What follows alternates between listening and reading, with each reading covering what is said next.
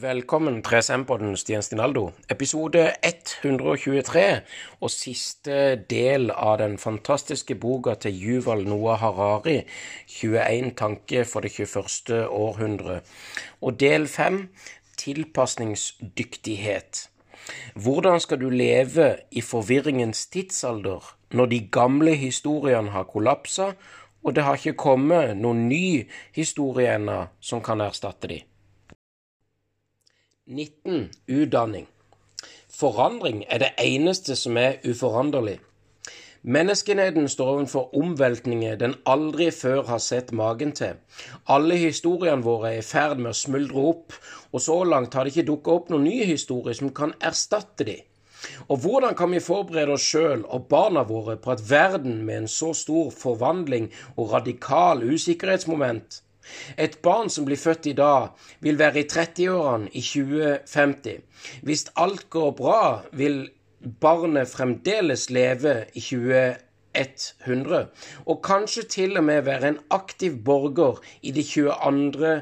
århundre. Hva bør vi lære dette barnet som vil hjelpe han eller hun med å overleve og blomstre i verden i 2050 eller i 2022? Hvilke ferdigheter vil han eller hun trenge for å få en jobb, forstå hva som skjer rundt han eller hun, eller finne veien gjennom livets labyrint? Siden ingen vet hvordan verden vil se ut i 2050, for ikke snakke om i 2100, så vet vi dessverre ikke svarene på disse spørsmålene. Mennesket har naturligvis aldri kunnet forutse fremtida helt presist, men i dag er det vanskeligere enn noen gang tidligere, for når teknologien setter oss i stand til å konstruere kropper, hjerne og sinn, så kan vi ikke lenger være sikre på noe som helst. Heller ikke ting som tidligere har virka fastsatt fastsatt og uforanderlig. For 1000 år siden, i 1018, så var det mye folk som visste om fremtida, men det var likevel overbevist om at de grunnleggende trekkene i menneskesamfunnet ikke ville endre seg. Hvis du bodde i Kina i 1018, så visste du at Song-dynastiet kunne kollapse før 1050, at kitaerne kunne invadere fra nord, og at pest kunne ta livet av millioner. Det var imidlertid klart at de fleste selv i 1050 fremdeles ville arbeide som bønder og vevere, at herskere fremdeles ville bruke mennesker i hæren og byråkratiet, menn ville dominere kvinner, og forventa levealder fortsatt ville ligge rundt 40 år, og menneskekroppen ville være nøyaktig som før. I 1018 lærte følgelig fattige kinesiske foreldre barna sine å plante ris og veve silke, og mer velstående foreldre lærte sønnene sine å lese de konfusianske klassikerne, skrive kalligrafi eller kjempe fra hesteryggen og lærte døtrene å bli beskjedne, lydige hustmødre. Det var åpenbart at slike ferdigheter fremdeles ville være nyttig i 1050. I dag har vi derimot ingen anelse om hvordan Kina eller resten av verden vil se ut i 2050. Vi vet ikke hvordan folk vil tjene til livets opphold, vi vet ikke hvordan militæret eller byråkratiet vil fungere, og vi vet ikke hvordan forholdet mellom kjønnene vil være. Noen vil antagelig leve mye lenger enn i dag, og selve menneskekroppen kan gå gjennom voldsomme endringer takket være bioteknikk og direkte hjernedatamaskin-grensesnitt. Følgelig vil det mye av det barn lærer i dag, formodentlig være irrelevant i 2050. Jeg vil si det en gang til. Følgelig vil mye av det barn lærer i dag, formodentlig være irrelevant i 2050. Akkurat nå er det altfor mange skoler som er opptatt av å proppe elevene med informasjon. Tidligere så har det gitt mening fordi det ikke var så mye informasjon å finne, og selv de små dryppene man fikk av eksisterende informasjon, ble stadig stoppa av sensur. Hvis du f.eks. bodde i en liten provinsby i Mexico i 1800, var det vanskelig for det å vite så mye om verden rundt deg. Det fantes verken radio, TV, dagsavis eller offentlig biblioteket. Selv om du kunne lese og skrive og hadde tilgang til et privat bibliotek, så var det ikke stort annet å lese enn romaner og religiøse pamfletter. Det spanske riket drev streng sensur av alle tekster som ble trykka lokalt, og tillot bare import av noen få grundig inspiserte publikasjoner utenifra. Omtrent slik var det hvis man bodde i en provinsby i Russland, India, Tyrkia eller Kina også. Da de moderne skolene kom, så alle barna kunne lære å skrive og lese og få kjennskap til de grunnleggende fakta om geografi, historie, biologi, så var det en enorm forbedring. I det 21. århundret derimot så blir vi oversvømt av enorme mengder informasjon, og selv ikke sensorene prøver å stoppe de. De er opptatt med å spre desinformasjon eller distrahere oss med irrelevant fakta. Hvis du bor i en provinsby i Mexico og har en smarttelefon, så kan du bruke, kan du bruke uendelig med tid mer bare på å lese Wikipedia, se TED Talks og ta gratiskurs på nettet. Ingen myndigheter kan håpe på å skjule all informasjon de ikke liker. Og på den andre side så er det urovekkende enkelt å oversvømme offentligheten med motstridende rapporter og villspor. Folk over hele verden er bare et tastetrykk unna det de siste beretningene fra bombarderingene av Aleppo eller smeltingen av police av, av is i Arktis. Men det finnes så mange motstridende beretninger om det er vanskelig å vite hva man skal tro. Dessuten så er det så mange andre ting som bare er tastetrykk unna, at det er vanskelig å konsentrere seg. Og når politikk og vitenskap virker for komplisert, er det fristende å gå videre til morsomme kattevideoer, kjendissladder eller porno. I en slik verden er det siste en lærer trenger, å gi elevene mer informasjon. De har altfor mye informasjon allerede. Det folk trenger, er evnen til å få informasjon til å gi mening, skille mellom hva som er viktig og hva som er uviktig, og fremfor alt sette sammen mange informasjonsbiter til et større bilde av verden. Dette har faktisk vært idealet til det vestlige liberale utdanninga i århundrer, men inntil nå har selv mange vestlige skoler vært temmelig slappe med å leve opp til det.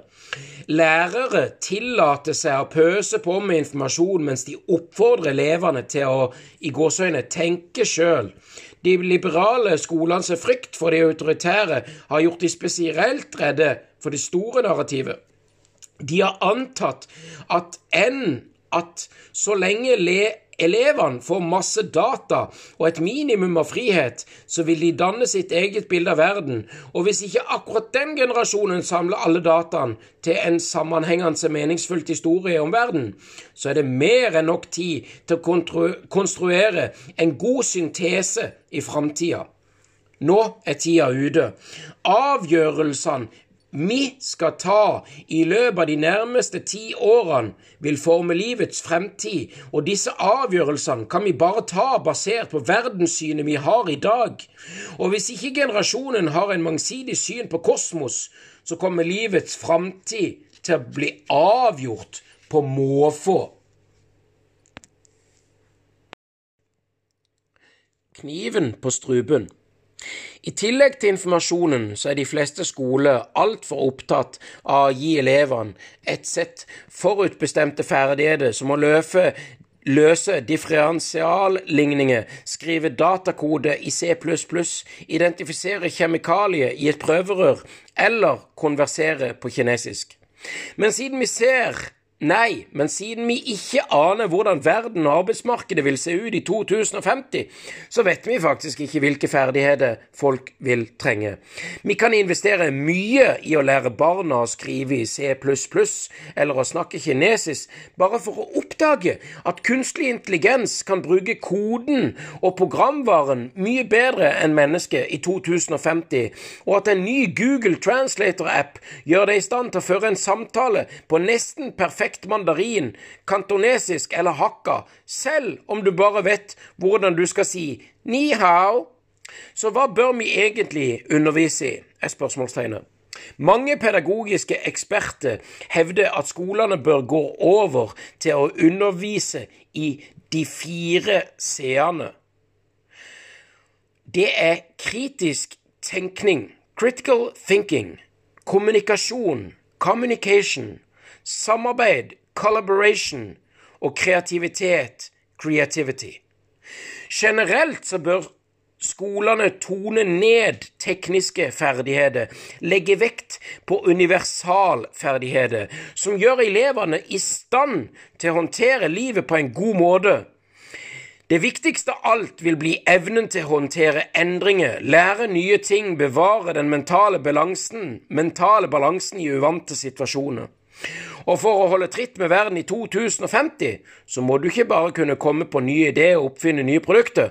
Fremfor alt vil du måtte finne opp deg sjøl på nytt. Om og om og om igjen. Etter hvert som endringstempoet stiger, vil nemlig ikke bare økonomien, men antagelig også betydningen av i gåsøyne det å være menneske, gåsøyne slutt, komme til å mutere. Allerede i 1848 erklærte det kommunistiske manifest at eh, i gåsøgne, all standpreget og stillestående damper bort. Marx og Engels tenkte imidlertid mest på sosiale og økonomiske strukturer, og innen 2048 vil også fysiske og kognitive strukturer ha dampa bort eller danna en sky av informasjonsbiter. I 1848 så var millioner mennesker i ferd med å miste jobbene sine på gårder på landet og reiste inn til storbyene for å jobbe på fabrikker. Da de kom til storbyene, så var det lite trolig at de skulle skifte kjønn eller utvikle en slags sjette sans.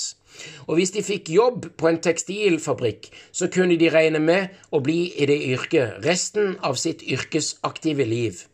I 2048 så må kanskje folk håndtere migrasjon til cyberspace, flytende kjønnsidentitet og nye sansefornemmelser generert av dataimplantatet. Hvis de finner både arbeid og mening i å designe disse skrik for mote for et tredimensjonalt virtuelt virkelighetsspill, så kan de risikere at kunstig intelligens tar over ikke bare dette yrket, men alle jobber som krever et slikt nivå av kunstnerisk skaperkraft i løpet av ti år. Så når du er 25, presenterer du det på en eh, sjekkeside som parentes nei, i gåseøyne, en 25 år gammel heterofil kvinne som bor i London og jobber i en motebutikk. Eh, parentes slutt. 35 år gammel sier du at du er en parentes, en person av uspesifisert kjønn som er under aldersjustering av den neokortikale aktiviteten min hovedsakelig finner sted i New Cosmos virtuelle verden, og at mitt mål i livet er å komme til steder der ingen motedesigner har vært før. Parentes slutt. Når du er 45 år gammel, så er både sjekking og selvdefinisjon helt passe. Du venter bare på at en algoritme skal finne, eller i, i eh, parentes skape, den som er helt perfekt for det. Når det gjelder å finne mening i klesdesignkunsten, så er du gjenkallelig utklassa av algoritmene, og når du ser på de største prestasjonene dine fra de siste ti årene, så blir du snarere flau enn stolt. Og som 45-åring har du fremdeles mange tiår med radikale endringer foran deg. Ikke ta dette scenarioet bokstavelig, er du snill. Ingen kan forutse de nøyaktige endringene vi blir vitne til. Et hvilket som helst scenario vil antagelig være langt fra sannheten. Hvis noen gir deg en beskrivelse av verden i midten av det 21. århundre, og det ikke virker som science fiction, så kan du i hvert fall regne med at beskrivelsen er feil. Vi kan ikke være sikre på detaljene. Det eneste som er sikkert, er at mye vil være annerledes enn det er akkurat nå. Slike grunnleggende endringer kan forvandle livets grunnstruktur og gjøre mangel på sammenheng til livet mer fremtredende trekk. Livet har i uminnelige tider blitt delt inn i to deler som utfyller hverandre. En læreperiode etterfulgt av en arbeidsperiode. I første del av livet så samler man informasjon, utvikler ferdigheter, bygger opp et syn på verden og etablerer en stabil identitet. Selv om du som 15-åring tilbrakte mesteparten av dagen med å jobbe på familiens rismarke, parentes, og ikke på skole, parentes slutt, så var læring det viktigste du gjorde. Lære å dyrke ris, forhandle med de grådige rishandlerne fra storbyen og løse konflikter om jord og vann med de andre i landsbyen. I andre del av livet så støtter du deg til det du hadde lært for å klare deg i verden. Unnskyld. Klare deg i verden. Tjene til livets opphold og bidra til samfunnet. Også som 15-åring fortsatte du å lære nye ting om ris, handelsmenn og konflikter, men det innebar bare små justeringer som finslipte ferdigheter. I midten av det 21. århundre kan akselererende endringer og lengre levetid ha gjort denne tradisjonelle modellen avleggs. Livet vil revne i sømmene, og det vil bli stadig mindre sammenheng mellom ulike perioder i livet. Parentes Hvem er jeg? Vil bli et mer presterende og, komplisert spørsmål enn noen gang tidligere. Dette vil antagelig føre til ekstremt mye stress. Endringer er nesten alltid stressende, og etter en viss alder så liker de færreste å forandre seg. Når du er 15, så er hele livet i endring. Jeg sier det en gang til. Når du er 15, er hele livet i endring. Kroppen vokser, hjernen utvikler seg, og forhold blir dypere. Alt er i stadig forandring, og alt er nytt. Du er travelt opptatt med å finne opp deg sjøl, og de fleste tenåringer syns at det er skremmende, samtidig som det er spennende. Nye fremtidsutsikter åpner seg, og du har en hel verden å erobre. Når du blir 50, så har du ikke lyst til å forandre det, og de fleste har gitt opp tanken med å erobre verden. Har du vært der før, har gjort det før, eller har skaffa meg den T-skjorta, tenker du. Har vært der før, har gjort det før, har skaffa meg den T-skjorta før. Du foretrekker stabilitet. Du har investert så mye i ferdighetene dine, i karrieren din og identiteten og verdenssynet at du ikke har lyst til å begynne helt på nytt. Jo hardere du har jobba med å bygge opp noe, desto vanskeligere er det å gi slipp på det, og gjør plass til noe nytt. Du liker kanskje nye opplevelser og mindre justert, justeringer fremdeles, men de færreste mennesker i 50-årene er klare for å velte om på de dype strukturene, identiteten deres og personligheten. Det er nevrologiske grunner til dette. Selv om den eh, voksne hjernen er mer fleksibel og dynamisk enn tidligere antatt, er den likevel mindre formbar enn tenåringshjernen. Det er skikkelig hardt arbeid å koble opp nevroner og synapser, men i det 21. århundre kan du neppe ta deg råd til å satse på stabilitet. Hvis du forsøker å holde på en stabil identitet, en jobb eller et verdenssyn, så risikerer du å bli sittende igjen mens verden fyker forbi det med et svusj. Med tanke på den forventede levealderen antagelig vil øke, risikerer du å bli sittende der som en uvitende fossil i mange tiår. Hvis du vil holde deg relevant, ikke bare økonomisk, men framfor alt sosialt, så vil du trenge evnen til å lære å finne opp deg sjøl på ny, om og om og om igjen. Og i hvert fall når du er så ung som 50. Etter hvert som fremmedhat blir den nye normalen, og Nei, fremmedhet blir den nye normalen. Så vil de tidligere erfaringene dine og hele menneskenhetens tidligere erfaringer bli mindre pålitelige veiledere. Både enkeltpersoner og selve menneskenheten vil bli i økende grad nødt til å håndtere ting ingen har vært borti før. Som superintelligente maskiner, konstruerte kropper, algoritmer som kan manipulere følelsene dine med forbløffende presisjoner, raske menneskeskapte klimakatastrofer og behovet for å skifte yrke hvert tiår.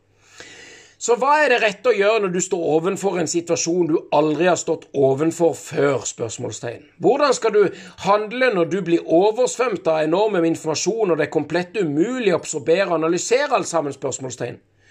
Og hvordan leve i en verden der grunnleggende usikkerhet ikke er en programfeil, men en funksjon? For å overleve og blomstre i en slik verden, så vil du trenge mye mental fleksibilitet og store mengder emosjonell balanse. Du vil gang på gang bli nødt til å gi slipp på noe av det du kan best, og føle deg komfortabel med det ukjente. Dessverre så er det mye vanskeligere å lære barn å være åpne for det ukjente og bevare mental balanse, enn å lære de en fysikkligning eller bakgrunn for den første verdenskrig. Du kan ikke lære tilpasningsdyktighet med å lese en bok eller lytte til en forelesning eller foredrag. De fleste lærere mangler den mentale fleksibiliteten som kreves i det 21. århundret, fordi de er selve produktet av det gamle utdanningssystemet. Den industrielle revolusjonen etterlot oss utdanningsproduksjonslinjeteori. Midt i byen ligger det en stor betongbygning delt i mange identiske rom, og hvert rom er utstyrt med rader, pulter og stoler. Når det ringer en bjelle, så går du inn i et av disse rommene sammen med 30 andre barn som ble født samme år som det. Hver time kommer den voksne inn og begynner å snakke. Myndighetene betaler de for å gjøre det, og en av de forteller deg hvordan jorda er forma, en annen forteller deg om menneskets fortid, og en tredje forteller deg om menneskekroppen. Det er lett å le av denne modellen, og nesten alle er enige om at han til tross for tidligere meritter nå har utspilt sin rolle. Men så langt så har vi ikke klart å finne fram til en gjennomførbart alternativ. I hvert fall ikke et skalerbart alternativ som kan realiseres både på landsbygda i Mexico og i eksklusive forsteder i USA. Hacking av mennesker det beste rådet jeg kan gi en 15-åring som eh, må nøye seg med en utdatert skole et eller annet sted i Mexico, India eller Alabama, er følgende. Ikke stol for mye på de voksne. De fleste av de mener det godt, men de forstår rett og slett ikke verden. I tidligere tider så var det relativt trygt å følge den voksne, fordi den kjente verden godt, og en verden endret seg langsomt. De 21. århundre kommer til å bli annerledes. Endringene vil komme stadig raskere, og derfor kan du aldri være sikker på om det de voksne forteller deg, er en tidløs visdom eller utdaterte fordommer. Så hva kan du egentlig stole på? Teknologi? spørsmålstegn. Det er enda mer risikabelt. Teknologien kan være til god hjelp men hvis den får stor makt over livet ditt, så blir du et gissel for teknologiens agenda.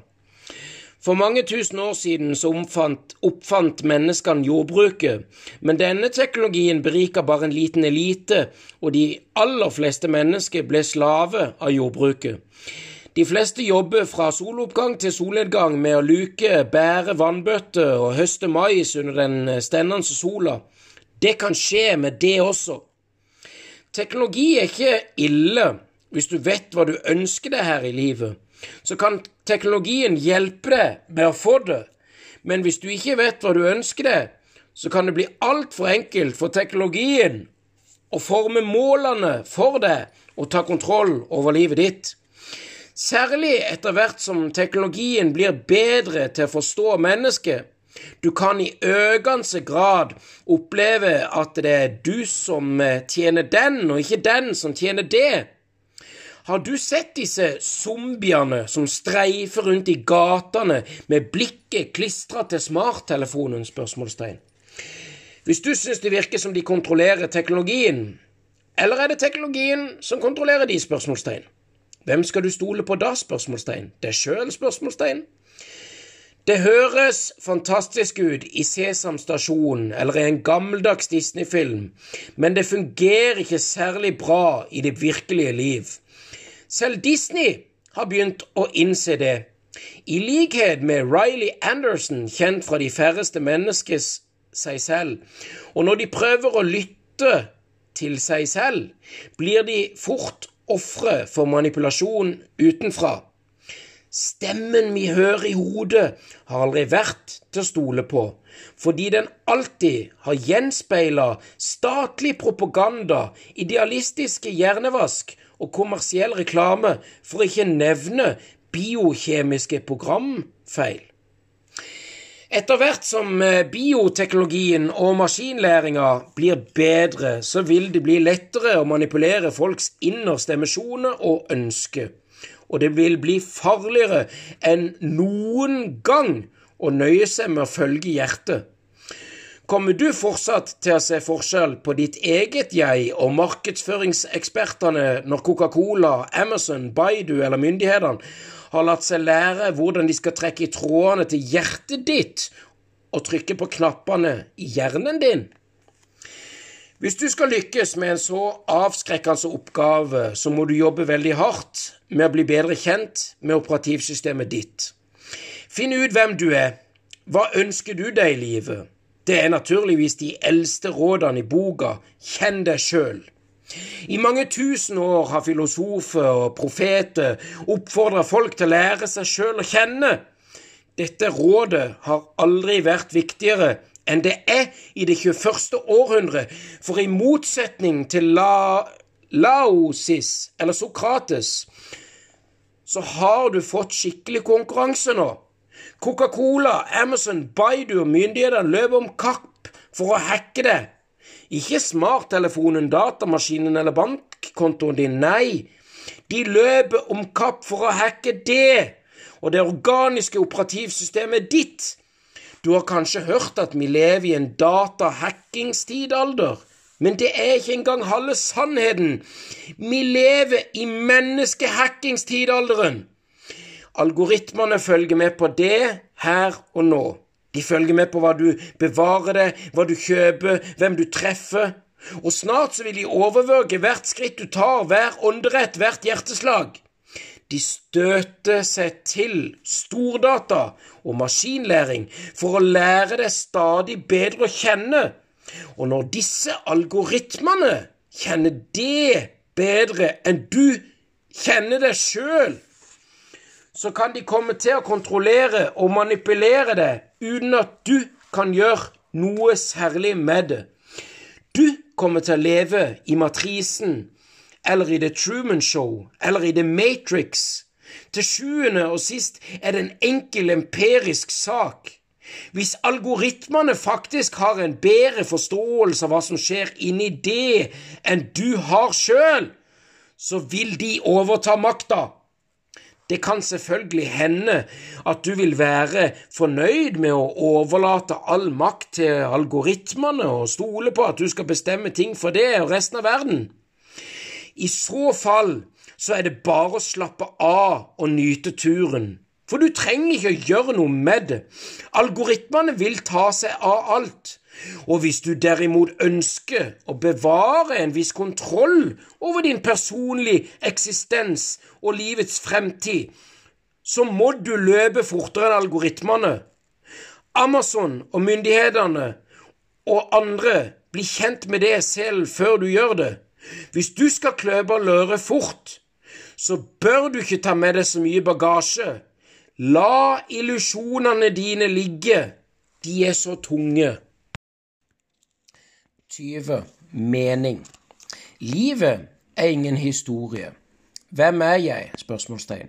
Hva bør jeg gjøre i livet? spørsmålstegn. Hva er meninga med livet? spørsmålstegn. Disse spørsmålene har menneskene stilt i uminnelige tider. Hvis generasjonen trenger et nytt svar for hva vi vet og ikke vet, så endrer det seg hele tida. Så hva er det beste svaret vi kan gi i dag med tanke på alt vi vet og ikke vet om vitenskap, Gud, politikk og religion? Hva slags svar er det folk forventer? Spørsmålstegn. Og når folk spør om eh, hva som er meninga med livet, så forventer de nesten alltid å bli fortalt en historie. Homo sapiens sapiens en historiefortellende dyr som i større grad tenker historie enn i tall eller grafer, og vi tror at selve universet fungerer som en historie full av helter, skurker, konflikter og beslutninger. Høydepunkter og lykkelige slutter. Når vi søker mening med livet, så vil vi ha en historie som forklarer hva virkeligheten faktisk er, og hvilken rolle akkurat jeg spiller i det kosmiske dramaet. Denne rolla gjør jeg meg til en del av noe som er større enn meg sjøl, og gir mening til alle mine erfaringer og valg.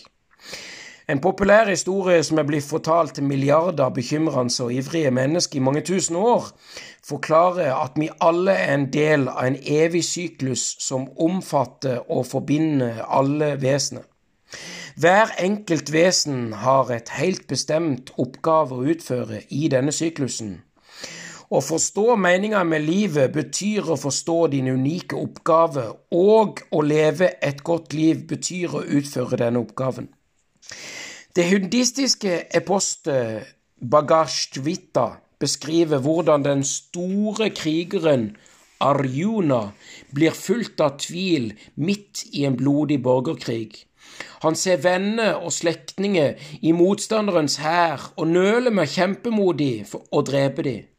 Han begynner å gruble over hva som er godt og hva som er ondt, hvem som har bestemt det, og hva som er meninga med menneskelivet. Så forklarer guden Krishna, Arjuna, at ethvert vesen i det store kosmiske syklus har en helt egen dharma, veien man må følge og pliktene man må utføre. Hvis du gjennomfører dharmaen din, uansett hvor vanskelig veien måtte være, vil du få sinnsro og bli kvitt all tvil. Hvis du nekter å følge dharmaen din og prøver å følge en annens vei, eller vingler rundt uten å følge noen vei, vil du forstyrre den kosmiske balansen og aldri klare å finne verken fred eller glede. Det spiller ingen rolle hva din spesielle vei er bare du følger han. En vaskeriarbeider som trofast følger vaskeriarbeiderens vei, er høyt heva over en prins som ikke følger prinsens vei. Da Arjuna har forstått meninga med livet, følger han pliktoppfyller sin dharma som krigeren.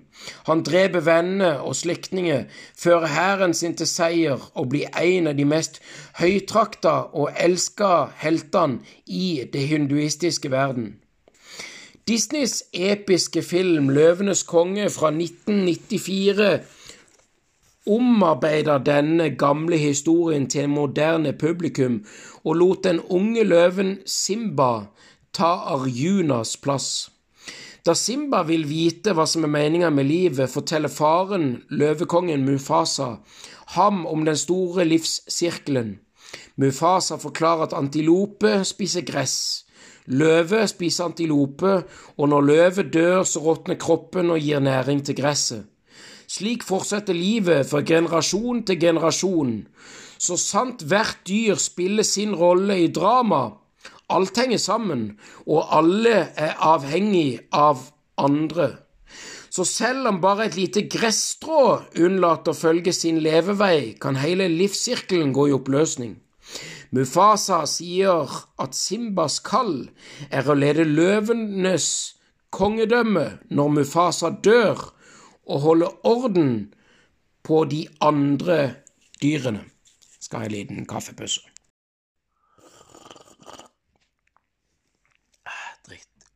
Deilig litt kaffe og vann.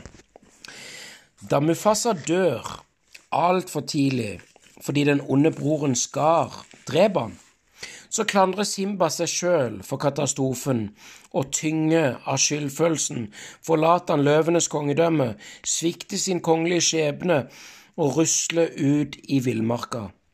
Der treffer han to andre utskudd, en surikat og et vortesvin og sammen tilbringer de noen sorgløse år utenfor allefars vei.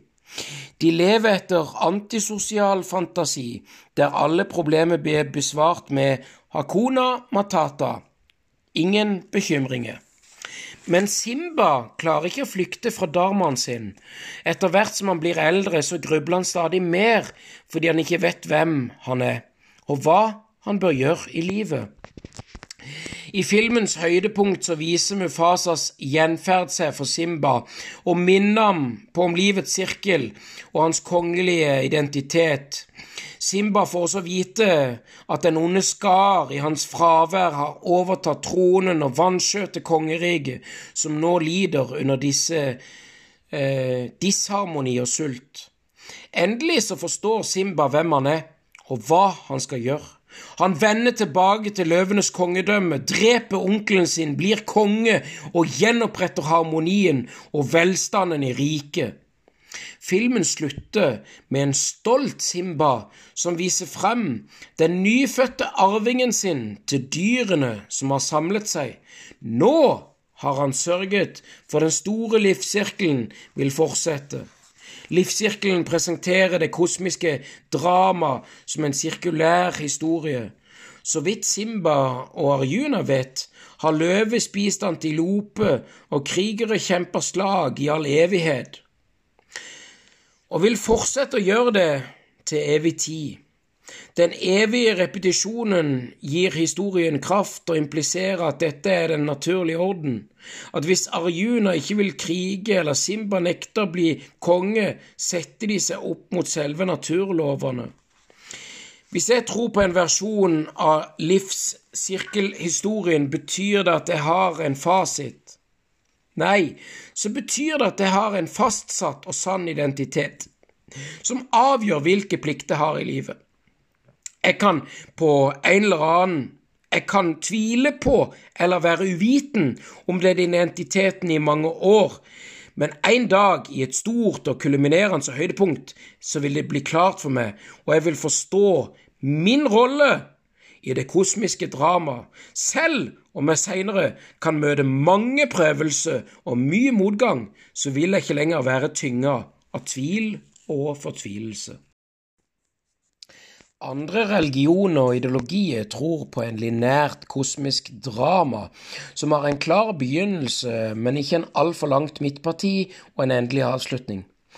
Den muslimske historien sier eksempel i begynnelsen skapte Allah hele universet og fastsatte universets lover. Deretter la han frem disse lovene for menneskene i Koranen. Dessverre gjorde Dessverre gjorde uvitende og onde mennesker opprør mot Allah og forsøkte å bryte eller skjule disse lovene, og nå må de rettsskaffende og lojale muslimene følge lovene og spre kunnskapen om dem. Til slutt på dommedag skal Allah dømme oppførselen til hvert enkelt menneske. Han skal belønne de rettferdige med alle paradisets velsignelser og kaste de onde i helvetes brennende avgrunn.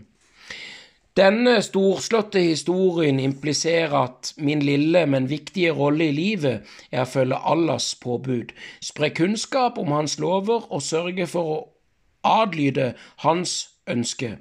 Hvis jeg tror på den muslimske historien, så finner jeg mening i å be fem ganger om dagen, donere penger til å bygge en ny moské og kjempe mot frafalne og vantro. Selv de mest hverdagslige aktiviteter, som å vaske hendene, drikke vin og ha sex, er fylt med kosmisk mening. Nasjonalismen har også en linær historie.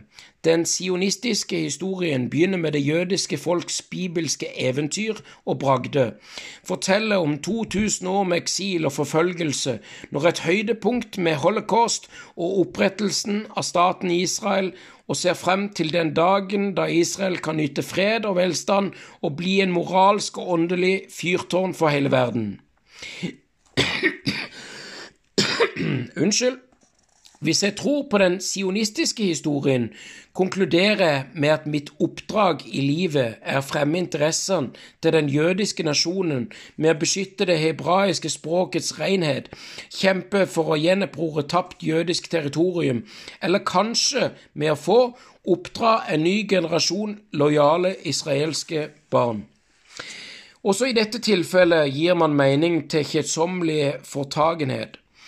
På selvs på selvstendighetsdagen synger ofte israelske skolebarn en populær hebraisk sang som lovpriser alt som gjør alt som er gjort for fedrelandet.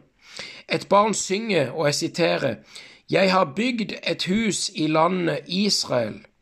Et annet barn synger, og jeg siterer, Jeg har plantet et tre i landet Israel og et tredje barn stemmer i meg, og jeg siterer, Jeg har skrevet et dikt i landet Israel. Og slik fortsetter det til alle sammen synger i korum. Jeg siterer, Så når vi har et hus, et tre, et dikt, og alt annet vi kan legge til i landet Israel. Sitat slutt. Kommunismen forteller en tilsvarende historie der man legger vekt på klasse fremfor etnisitet. Det kommunistiske manifest innledes med en erklæring om at, og nå skal jeg sitere, hele samfunnets historie fram til nå er historien om klassekamper, fri mann og slave, patriser og plebier, baron og livegen, lavborgers venn, kort sagt, undertrykkere og undertrykte, har stått i stadig motsetning til hverandre, har ført et uavbrutt, snart skjult, snart åpen kamp. En kamp som hver gang endte med revolusjonær omdannelse av hele samfunnet. Med de kjempende klasseres felles undergang. Sitat slutt. Manifestet fortsetter egentlig med å forklare at det i moderne tid slik hele samfunnet spalte seg mer og mer i to fiendtlige leirer, i to store klasser som står direkte mot hverandre, borgerskap og proletariatet. Proletariatet. Kampen vil ende med et protaliatets seire, og det vil bety slutten på historien og opprettelsen av en kommunistisk paradis på jorda, der ingen vil eie noe, og alle vil være helt fri og lykkelige. Hvis jeg tror på den kommunistiske historien, så konkluderer jeg med at min opp oppdrag i livet er å få fart på den globale revolusjonen med å skrive flammende pamfletter, organisere streiker og demonstrasjoner, og kanskje snikmyrde grådige kapitalister og kjempe mot lakeiene deres. Historien gir selv de minste handlinger mening, som å boikotte et merke som utnytter tekstilarbeidere i Bangladesh, eller å krangle med svigerfaren min, som er et kapitalistisk svin, over julemiddagen. Når vi ser på den lange rekken av historier som forsøker å definere min sanne identitet og gi mening til handlingene mine, så er det påfallende hvor lite målestokken har å si. Noen historier, som Simbas livssirkel, ser ut til å vare i all evighet. Jeg kan bare vite hvem jeg er, hvis jeg bruker hele universet som bakteppe. Andre historier, som de fleste nasjonalistiske myter og stappemyter, blir ynkelige sammenlignet med de. Sionismen helliggjør eventyrene til omtrent 0,2% av menneskenheten og 0,005% av jordens overflate i et ørlite tidsrom. Den sionistiske historien tillegger ikke de kinesiske dynastiene stammene i Ny-Guinea Andromegalaksen eller noen av de utallige evighetene før Moses, Abraham eller evolusjonen av apenes eksistens noen som helst betydning. Og en slik nærsynhet kan få alvorlige følger. En av de største hindringene for en fredsavtale mellom Israel og palestinerne er f.eks. at israelerne ikke vil dele Jerusalem. De hevder at den byen er, og jeg siterer, det jødiske folks evige hovedstad. Sitat slutt. Og det er selvfølgelig umulig å gå på akkord med noe som er evig. Og hva betyr det vel noen få døde mennesker sett opp mot evigheten? spørsmålstegn. Det er naturligvis rent sludder. Evigheten er minst 13,8 milliarder år, og universets nåværende alder, planeten Jorden, ble dannet for omtrent 4,5 milliarder år siden, og mennesket har eksistert i minst to millioner år. Byen Jerusalem, ble, byen Jerusalem ble etablert for bare 5000 år siden, og det jødiske folket er høyst 3000 år gammelt, og da kan man ikke akkurat kalle det en evighet. Når det gjelder fremtida, så forteller fysikerne oss at planeten Jorda vil bli observert av en ekspansert sol om omtrent 7,5 milliarder år fra nå, og at universet vårt vil fortsette å eksistere i minst 13 milliarder år til. Er det virkelig noen av oss som for alvor tror at det jødiske folk og staten Israel eller byen Jerusalem fremdeles vil eksistere om 13 000 år, for ikke å snakke om 13 milliarder år? Sionismens fremtidshorisont er ikke bare på mer enn noen få hundre år, men det er likevel nok til å strekke de fleste israelernes fantasi til at de kvalifiserer seg som i gåseøyne evig tid. Og folk er villige til å gjøre ofre for gåseøyne evige by, som neppe ville gått med på å gjøre noen for skarve hus. Da forfatter sjøl var tenåring i Israel, var også jeg en stund fascinert av det nasjonalistiske løftet om at jeg skulle få bli en del av noe større enn meg sjøl.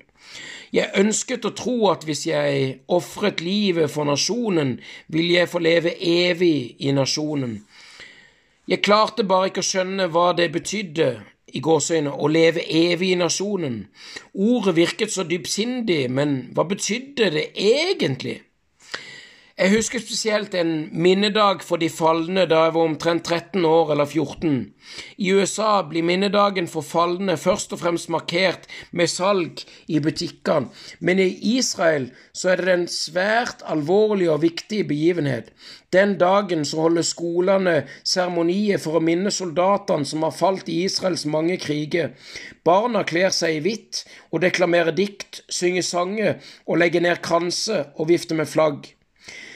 Der, er, der sto jeg, altså, hvitkledd under seremonien på skolen, mellom flaggeviftningen og diktklameringen, tenkte jeg selvfølgelig for meg sjøl at jeg òg ville bli en fallen soldat når jeg ble stor. Hvis jeg var en heroisk fallen soldat som hadde ofra livet for Israel, så ville jeg altså få alle barna til å deklamere dikt og vifte med flagg til ære for meg. Men så tenkte jeg, sitat, Vent nå litt. Hvordan kan jeg vite at barna faktisk reklamerer dikt til ære for meg hvis jeg er død? Spørsmålstegn. Jeg prøvde å forestille meg at jeg var død. Jeg forestilte meg at jeg lå under et hvitt gravstein på en pen og ryddig militær gravplass og lytta til diktene fra bakken. Men så tenkte jeg, og jeg siterer, hvis jeg er død, kan jeg ikke høre dikt, for da har jeg ikke øre, og hvis ikke han er gjerne heller, så kan jeg verken høre eller føle noe som helst. Så hva er poenget da? Enda verre. Da jeg var 13, så viste jeg at universet om noen få milliarder år gammelt antagelig ville eksistert i mange millioner til. Var det realistisk å forvente at Israel skulle eksistere så lenge? spørsmålstegn? Og kommer hvitkledde Homo sapiens sapiens-barn til å fortsette å deklamere dikt til ære for meg etter 200 millioner år? Spørsmålstegn. Det var noe mistenkelig med hele greia. Og hvis du tilfeldigvis er palestiner, så er det ingen grunn til å føle seg tilfreds. Det er like lite sannsynlig at det vil finnes palestinere om 200 millioner år etter all sannsynlighet så vil det ikke finnes noen pattedyr i det hele tatt. Andre nasjonalistiske bevegelser er like trangsynte. Serbisk nasjonalisme bryr seg lite om hva som skjedde i juratiden, og koreanske nasjonalister mener at en liten halvøy på østkysten av Asia er den eneste delen av kosmos som egentlig betyr noe som helst her i hele verden til tross for sin kjærlighet til den evige livsvirkelen, så tenker ikke Simba over at løve, antilop og gress egentlig er evigvarende. Simba tenker ikke over hvordan universet var før pattedyrene hans utvikla seg, eller hvilken skjebne hans høyt elskede afrikanske savanne ville få når menneskene har drept alle løvene og dekka gressmarkene med asfalt og betong. Ville det gjør Simbas liv fullstendig meningsløst? spørsmålstegn. Alle historier er ufullstendige, men hvis jeg skal bygge opp Men hvis jeg skal bygge meg opp en levedyktig identitet og gi livet mitt mening, så trenger jeg ikke en fullstendig historie uten svake punkter og selvmotsigelse. En historie trenger bare å oppfylle to betingelser for å gi livet mitt mening. For det første så må han gi meg en rolle å spille. Et stammemedlem i Ny-Guinea vil neppe tro på sionismen eller serbisk nasjonalisme, og siden disse historiene ikke bryr seg om Ny-Guinea og folket der, i likhet med filmstjerner liker mennesket bare manuskriptet som har en viktig rolle til de. Og for det andre, en god historie må vare til evig tid. Den må strekke seg lenger enn til min gode egen horisont. Historien gir meg en identitet og gir livet mitt mening med å gi en følelse at det finnes noe som er større enn meg sjøl. Det er imidlertid alltid en fare for at jeg skal begynne å lure på hva som gir dette parentes større mening. Så hvis meninga med livet mitt er å hjelpe prole, proletaritat Proletaritat, eller den polske nasjonen, hva er det egentlig som, som gir meninga til proletaritatet, eller den polske nasjonen? Det finnes en historie om en mann som hevder at verden holdes på plass fordi den ligger på ryggen til en stor elefant. Da han ble spurt om hva elefanten står på, svarte han at den står på ryggen til en stor skilpadde. Og skilpadda? spørsmålstegn. På ryggen til en enda større skilpadde. Og den større skilpadde? spørsmålstegn. Mannen ble irritert og sa, og jeg siterer, ikke tenk mer på det. Derfra og nedover er det skilpadde hele veien. Sitat slutt. Mer vellykka historier har en åpen slutt, og de trenger aldri å forklare hvor meninga egentlig kommer fra, fordi de er så gode til å fange folk oppmerksomhet og holde de innenfor en trygg sone. Når du forklarer at verden ligger på ryggen til en stor elefant, så bør du komme vanskelige spørsmål i forkjøpet med å skrive til minste detalj at når de svære ørene til elefanten flagrer, så utløser det orkan. Detaljet at når elefanten dirrer sinne, så ryster jordskjelv jordens overflate. Og hvis du spinner godt nok garn, så faller ingen å spørre seg om hva elefanten står på. Slik fengsler nasjonalismen oss med historie om heroisme, rører oss til tårer med å fortelle oss om tidligere katastrofe som gjør oss rasende ved å dvele over urettferdigheten nasjonen vår har lidd under. Vi blir så oppslukt av nasjonale eposter at vi begynner å evaluere alt som skjer i verden, ut fra hvilken innvirkning det har på nasjonen vår, og kommer ikke på å spørre oss hva som egentlig gjør akkurat vår nasjon så viktig. Når du tror på en bestemt historie, så blir du veldig interessert i de små detaljene i historien, og blind for alt som faller utenfor historiens ramme.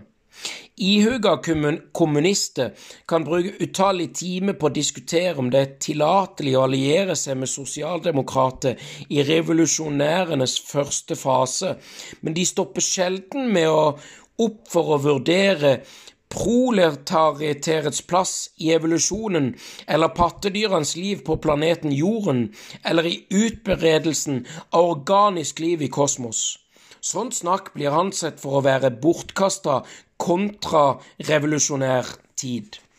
Selv om noen historier tar seg bryet med å omfatte alt rom og all tid, gjør evnen til å fange folk oppmerksomhet at mange andre vellykkede historier velger å lære langt mer moderate i omfang.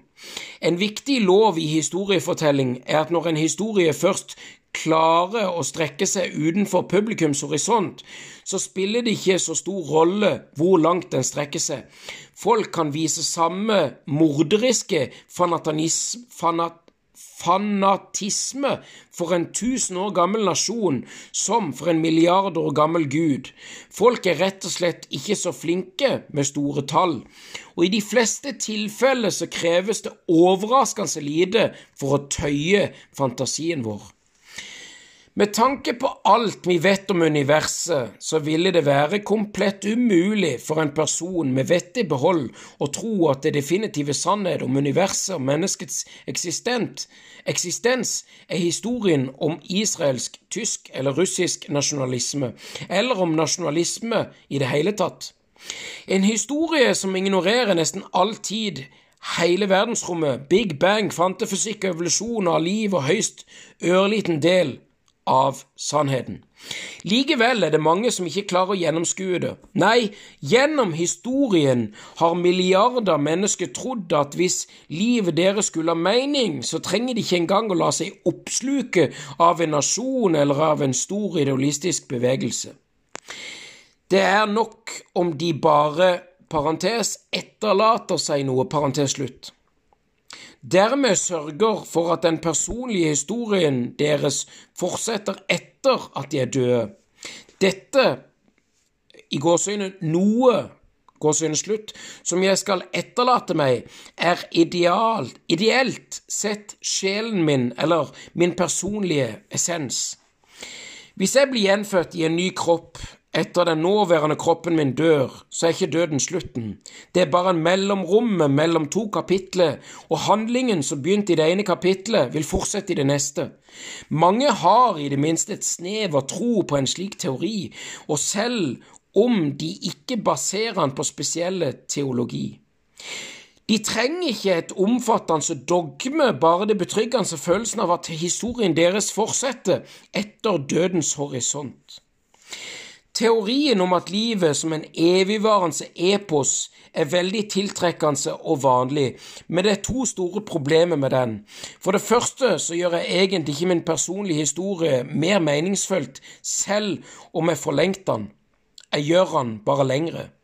De to store religionene som om befatter tanken om en evig sirkel av fødsel og død, hinduismen og buddhismen, har betrodd det forferdelige elementet med at alt er nytteløst. Million etter millioner ganger lærer jeg å gå, jeg vokser opp, jeg krangler med svigermor, jeg blir syk, jeg dør, og så gjør jeg alt sammen om igjen. Hva er poenget? spørsmålstegn. Hvis jeg samla alle, alle, tårene jeg har felt i mine tidligere liv, så ville de fylt Stillehavet. Hvis jeg samla alle eh, tennene, alle håret jeg har mista, så ville ryve høyere enn Himalaya.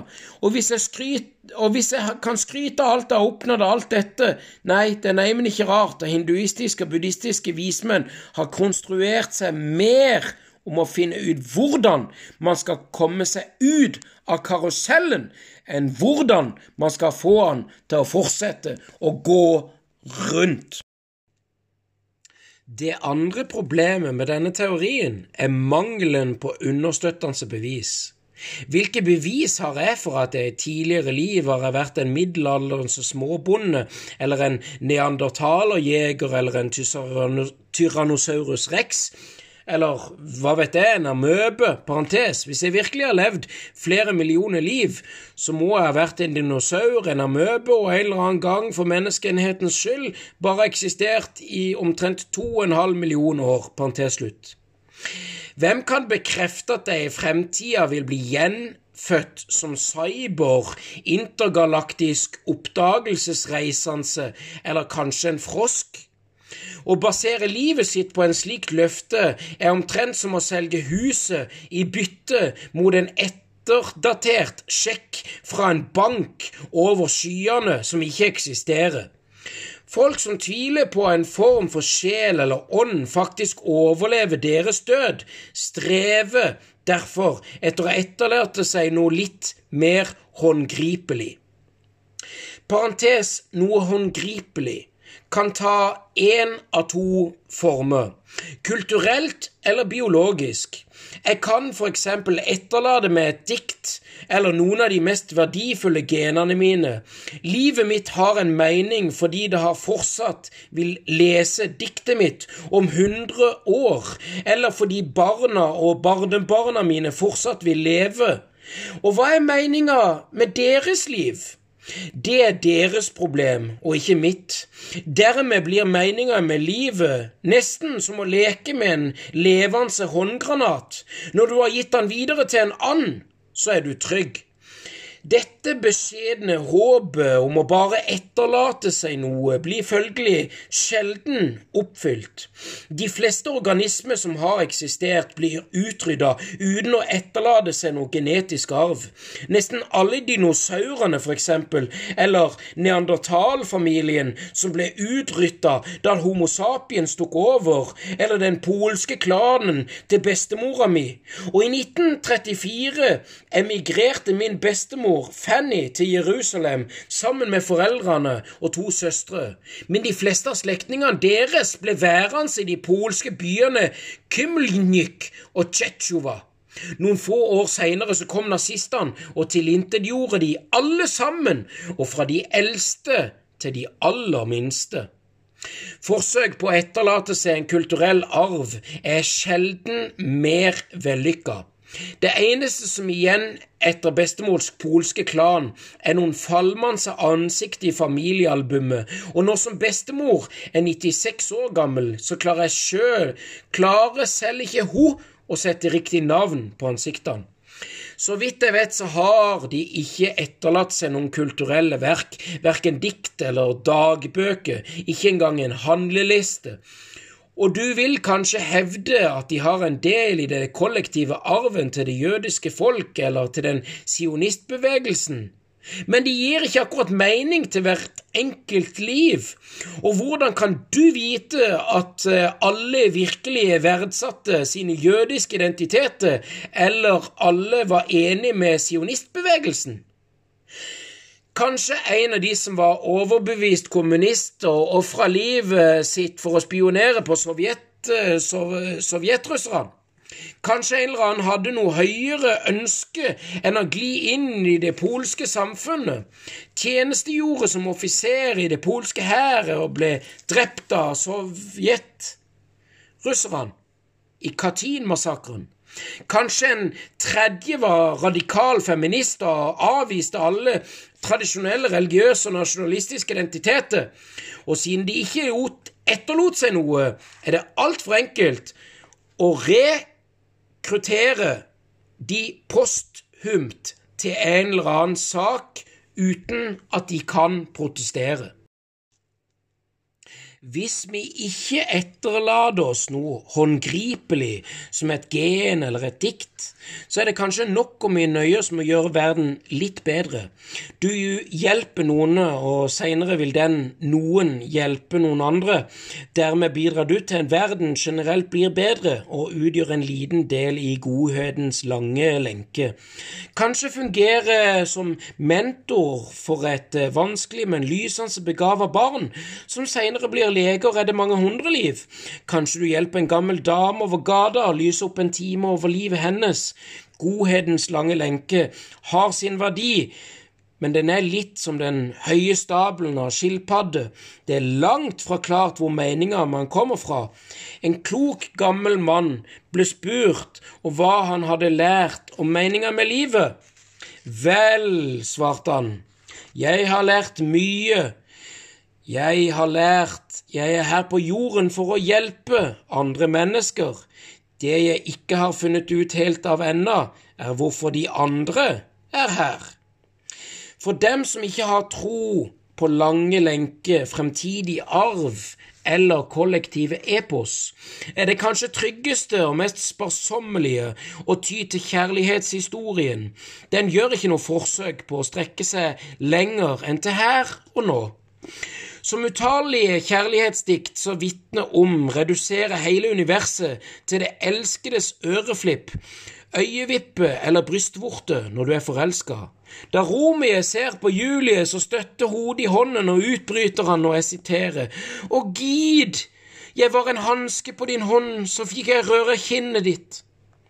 Sitat slutt. Du føler kontakt med hele kosmos fordi du har kontakt med et enkelt kropp her og nå. I virkeligheten er din elskede bare et hvilket som helst menneske som ikke skiller seg fra de mange menneskene du ignorerer hver dag på toget og i supermarkedet. Men for deg føles han eller hun grenseløs og fortaper deg gledelig i denne grenseløsheten. Gåtefulle poeter i de tradisjoner har flettet romantiske kjærlighet sammen med kosmisk fellesskap og har skrevet om Gud som er en elsker. Romantiske diktere har besvart komplimentet med å skrive om sine elskere i guder, og hvis du faktisk er forelsket i noen, bekymrer du deg ikke om meningen med livet. Hva om du ikke er forelsket? spørsmålstegn. Vel, hvis du tror på en romantisk historie, men ikke er forelsket, vet du i det minste hva formålet med livet er. Å finne ekte kjærlighet. Du har sett den i utallige filmer, lest om den i talløse bøker. Du vet at den en dag vil treffe den helt spesielle personen og se ved evigheten i de to glitrende øyene, og hele livet plutselig vil gi mening, og at spørsmålene du har hatt, vil bli besvart med å gjenta et navn om og om og om igjen. Og akkurat som for Tony i The West Side Story, eller for Romie da han så Julie kikke ned på ham fra balkongen. Veksten av taket. En god historie må gi meg en rolle og strekke seg utenfor min horisont, men den trenger ikke være sann.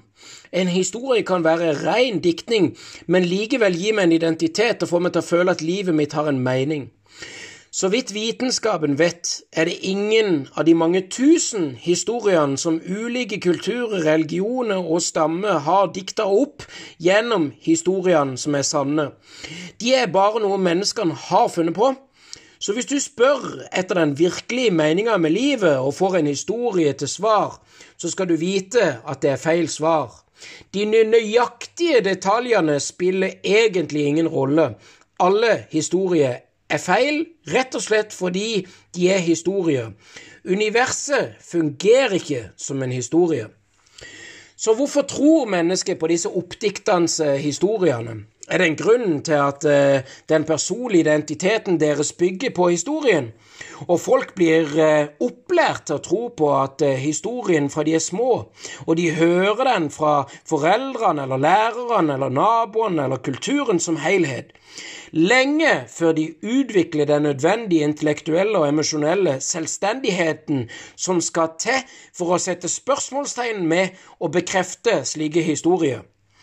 Innen intellektualitet så har modna, så har man investert så mye i historien at de heller vil bruke intellektet til å forklare historien enn å tvile på den.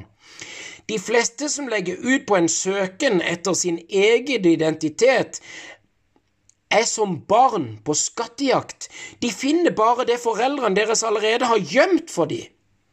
Og en annen grunn er at det er ikke bare vår personlige identitet, men òg de kollektive institusjonene våre som bygger på historien. Dermed føles det fryktelig skremmende og tvilende.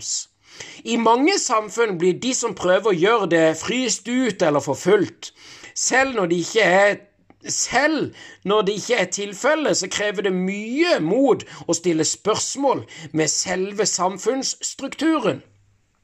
Hvis historien faktisk viser seg å være usann, vil nemlig verden slik vi kjenner den til, bli meningsløs. Statlige lover, sosiale normer og økonomiske institusjoner kan komme til å kollapse. De fleste historier holdes snarere sammen av vekten av taket enn av styrken til, i fundamentet.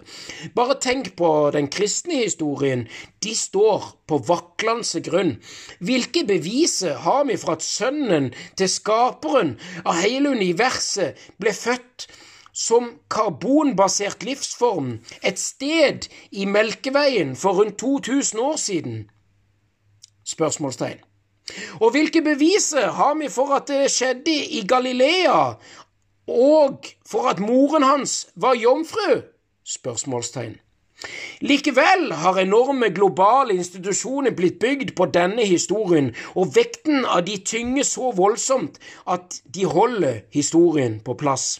Hele kriger er blitt utkjempa om endringer av et eneste ord i historien, og det tusen år gamle skismaet mellom vestlige kristne og østlige ortodokse kristne, som ganske nylig manifesterte seg i de gjensidige nedslakting av kroater fra serbisk side og av serbere fra kroatisk side, begynte på grunn av dette ene ordet, og jeg siterer filoka, og fra sønnen på latin filosofi. De vestlige kristne ville føye dette ordet til det kristne trosbekjennelsen, og de protesterte det østlige kristne kraftig imot. Og i parentes de teologiske konsekvensene av å tilføye ordet er så arkaisk at det ville være umulig å forklare de her på en relevant måte. Spør Google hvis du er nysgjerrig. Parentes slutt. Og når personlige identiteter og helt sosiale systemer bygger på en historie, så blir det utenkelig å tvile på dem, og ikke på grunn av at bevisene som støtter dem, men fordi kollapsen vil utløse en personlig og sosial katastrofe. Og historie så hender det at taket er viktigere enn fundamentet. Hokus pokus og trosindustrien. Alle historier som gir oss mening og identitet, er oppdikta, men menneskene trenger å tro på dem. Hvordan skal man få historien å føles ekte? spørsmålstegn. Det er åpenbart hvorfor mennesket ønsker å tro på historien, men hvordan får man det til? spørsmålstegn. Prester og sjamaner fant svar allerede for flere tusen år siden. Ritualer. Et ritual er en tryllekunst som gjør det abstrakte konkret, og det oppdiktede virkelig. Essensen i ritualet er trylleformelen hokus pokus exe y. Så hvordan gjøre Kristus virkelig for tilhengerne hans? spørsmålstegn. Under nattverdenen tar presten et stykke brød og et glass vin og erklærer at brødet er Kristi legeme og vinen Kristi blod, og at de troende blir ett med Kristi ved å spise og drikke det. Og hva kan bli mer virkelig enn faktisk å kjenne smaken av Kristus i munnen? Spørsmålstegn. Tradisjonelt ga presten disse dristige kunngjøringene på latin, og det gamle språket til religionen, juss og livets hemmeligheter, foran de forbløffende øynene til forsamlingen av bønder, holdt presten opp et stykke brød og utbrøt Jeg skal prøve å sitere etter beste evne. Host set corpus dette er kroppen. Og dermed skulle brødet bli Kristi legeme, og hos bøndene som verken kunne lese eller skrive eller kunne latin, ble host escorpus til hokus pokus. Og dermed oppsto trylleformelen som kan forvandle en frosk til en prins og et gresskar til en vogn. Tusen år før kristendommens fødsel så brukte de gamle hinduene det samme trikset. Brihadraniyaka Upanishad tolker det rituale ofringen av en hest som er realiseringen av at hele kosmos historie. Teksten følger samme struktur som hokus pokus xy og sier hodet til offerhesten er morgengryet, Øyet er solen, livskraften er lyn, den dirrende kroppen er torden, urineringen er regn, vrinskingen er stemmen. Og på denne måten blir en stakkars hest hele kosmos. Nesten alt kan gjøres til ritualer, om å gi tenning av lys, rigging i klokke eller telling av perler en dyp religiøs mening. Det samme gjelder fysiske gester, som å bøye hodet, gjøre knefall eller legge håndflatene mot hverandre. Ulike former for hodeplagg, fra siktens turban til den muslimske hijab, har vært med å lade med mening så har det utløst hissige krangler i mange århundre.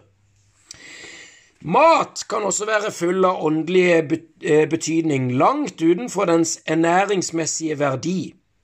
Enten det er et påskeegg som symboliserer nytt liv og Jesus' oppstandelse, eller de bitre urtene og det urgjerne brødet jøder må spise i påska for å minnes slaveri i Egypt og den mirakuløse flukten derfra. Det finnes knapt den rette Det finnes knapt den rett i verden som ikke blir tolket til å symbolisere noe. Første nyttårsdag spiser følgelig religiøse jøder honning for at den kommende året skal bli søtt. Og de spiser fiskehode for at det blir fruktbare som fisk og beveger seg framover ikke tilbake, og de spiser granateple for at de gode gjerningene deres skal bli mangfoldiggjøres som de mange frøene i granateplet. Lignende ritualer er også blitt brukt til politiske formål. I mange tusen år så representerte krone, trone og stave kongedømme og hele imperiet, og millioner mennesker dødd i brutale kriger som er blitt utkjempa om eiendomsretten til tronen eller kronen, og kongelige hoff dyrka ekstremt uførlige protokoller på høyde med de mest intrikate religiøse seremonier. I militæret er disiplin og ritualer uatskillelig, og soldater fra det gamle Roma til i dag tilbringer utallige timer med å marsjere i formasjon, gjøre honnør til overordnede som pusser støvler. Napoleon skal komme med en berømmelig kommentar om at han kunne få menn til å ofre livet for et fargerikt bånd. Det var kanskje ingen som forsto den politiske betydningen av ritualet bedre enn Confucius, som som så streng ervervelse av rite som lå nøkkelen til sosial harmoni og politisk stabilitet. Konfutinianistiske klassikere som Ritualenes bok, Sotus ritualer og boken om etikett og ritualer beskrev til minste detalj hvilke ritual som burde utføres ved hvilken statlig anledning, helt ned til antall ritualer kar som skulle brukes i seremonien, og hvilke musikkinstrumenter man skulle spille på, og hvilke farger det skulle være på embetsdraktene som ble brukt. Når Kina ble rammet av en krise, var konfutianske skriftlærde raske med å klandre manglende bruk av riter, slik at sersjanter gir slappe soldater som ikke pusser støvler, skylden for en militært nederlag.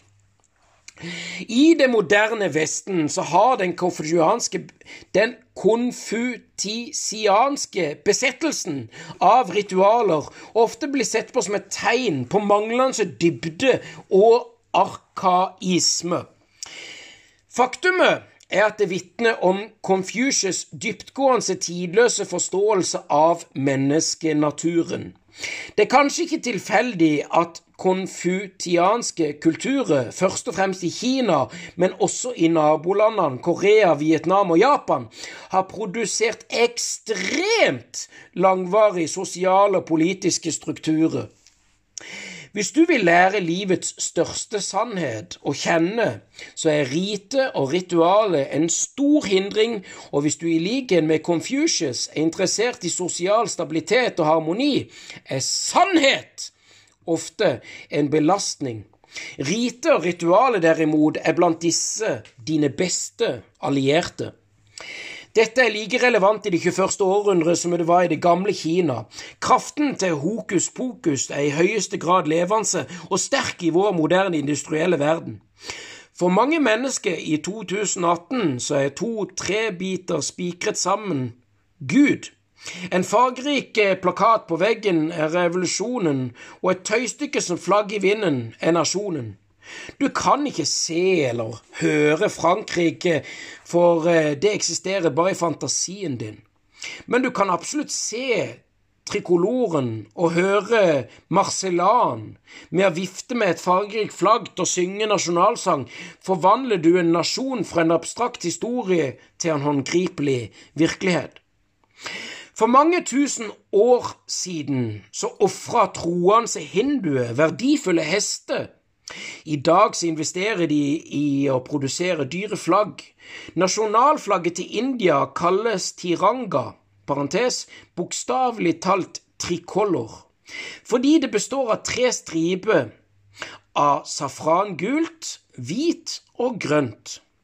Indias flagglov fra 2002 sier at flagget og jeg siterer, representerer Indias folk håp og ambisjoner. Det er et symbol på vår nasjonale stolthet, og i løpet av de siste 50 årene har mange mennesker, deriblant medlemmer av landets væpnede styrker, helhjertet ofret livet for å holde trikoloren vaiende i all sin prakt. Sitat slutt. Deretter siterer flaggloven Sar Vapalli Radkrarishma, Indias andre president, som forklarer at, og jeg siterer, den safrangule fargen står for forraskelse eller uselviskhet. Lederne våre må ikke være opptatt av materiell vinning, men vie seg til arbeidet. Den hvite i midten er lys, sannhetens vei, som skal veilede oppførselen vår. Og den grønne symboliserer forholdet til jorden, til plantelivet, som alt annet liv avhenger av. Ashoka-hjulet, midt i det hvite, er hjulet til Dharmas lov. Sannhet eller sataya, dharma eller dyd, bør være hovedprinsippet for alle som arbeider under dette flagget. Og I 2017 så heiste Indias nasjonalistiske myndigheter det største flagget i verden. I Atari, på grensen mellom India og Pakistan, i en gesture som skulle vekke pakistansk misunnelse Nei, unnskyld. I en gesture verken, som verken skulle inspirere til forsakelse eller uselviskhet, men snarere skulle vekke pakistansk misunnelse. Akkurat denne tiranga-flagget var 36 meter langt og 24 meter breit, og det ble heist på en 110 meter høy flaggstang. og i parentes står det Hva ville Freud ha sagt om det? Flagget kunne ses helt fra det pakistanske metropolen Lahore. Dessverre rev og slet sterke vind i flagget, og den nasjonale stoltheten krevde at det måtte lappes sammen gang på gang, til store kostnader for indiske skattebetalere. Så hvorfor investere indiske myndigheter landets knappe ressurser i å veve enorme flagg i stedet for å bygge kloakkanlegg i Delis slumområde. Fordi flagget gjør India virkelig på en måte kloakkanlegget ikke kan gjøre. De store kostnadene med flagget gjør faktisk ritualet enda mer effektivt. Av alle ritualer så er offeret det mest potente, fordi lidelse er ikke det mest virkelige av alle ting her i verden. Den kan man verken ignorere eller tvile på. Hvis du virkelig vil tro, hvis du virkelig vil få folk til å tro på en oppdikta historie, så bør du lokke dem til å lide for han. Når du lider for en historie, så er det som regel nok til å overbevise dem om at historien er sann. Hvis du faster fordi Gud har befalt deg til å gjøre det, så gjør det den håndgripelige følelsen av at sult Gud mer nærvær enn noen statue eller noe ikon kan gjøre. Hvis du mister beinet i en patriotisk krig, så gjør beinstumpene og rullestolen nasjonene mer virkelig enn noe dikt eller noe nasjonalsang. Og på et mindre svulstig plan så kan nasjonen føles mer virkelig, også på supermarkedet.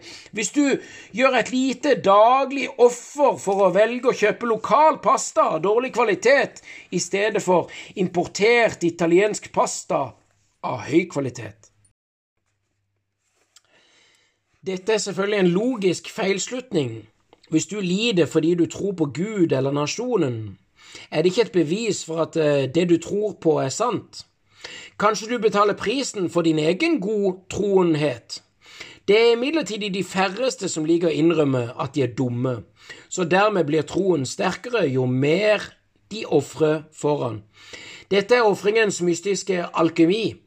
Offerpresten trenger ikke å gi noe Han trenger ikke å gi oss noe for å få makt over oss, verken regn, penger eller krigsseire. Det han må gjøre, er å ta fra oss noe, og når han klarer å overbevise om at vi skal gjøre et smertelig offer, så er vi fanga. Den fungerer i den kommersielle verden også.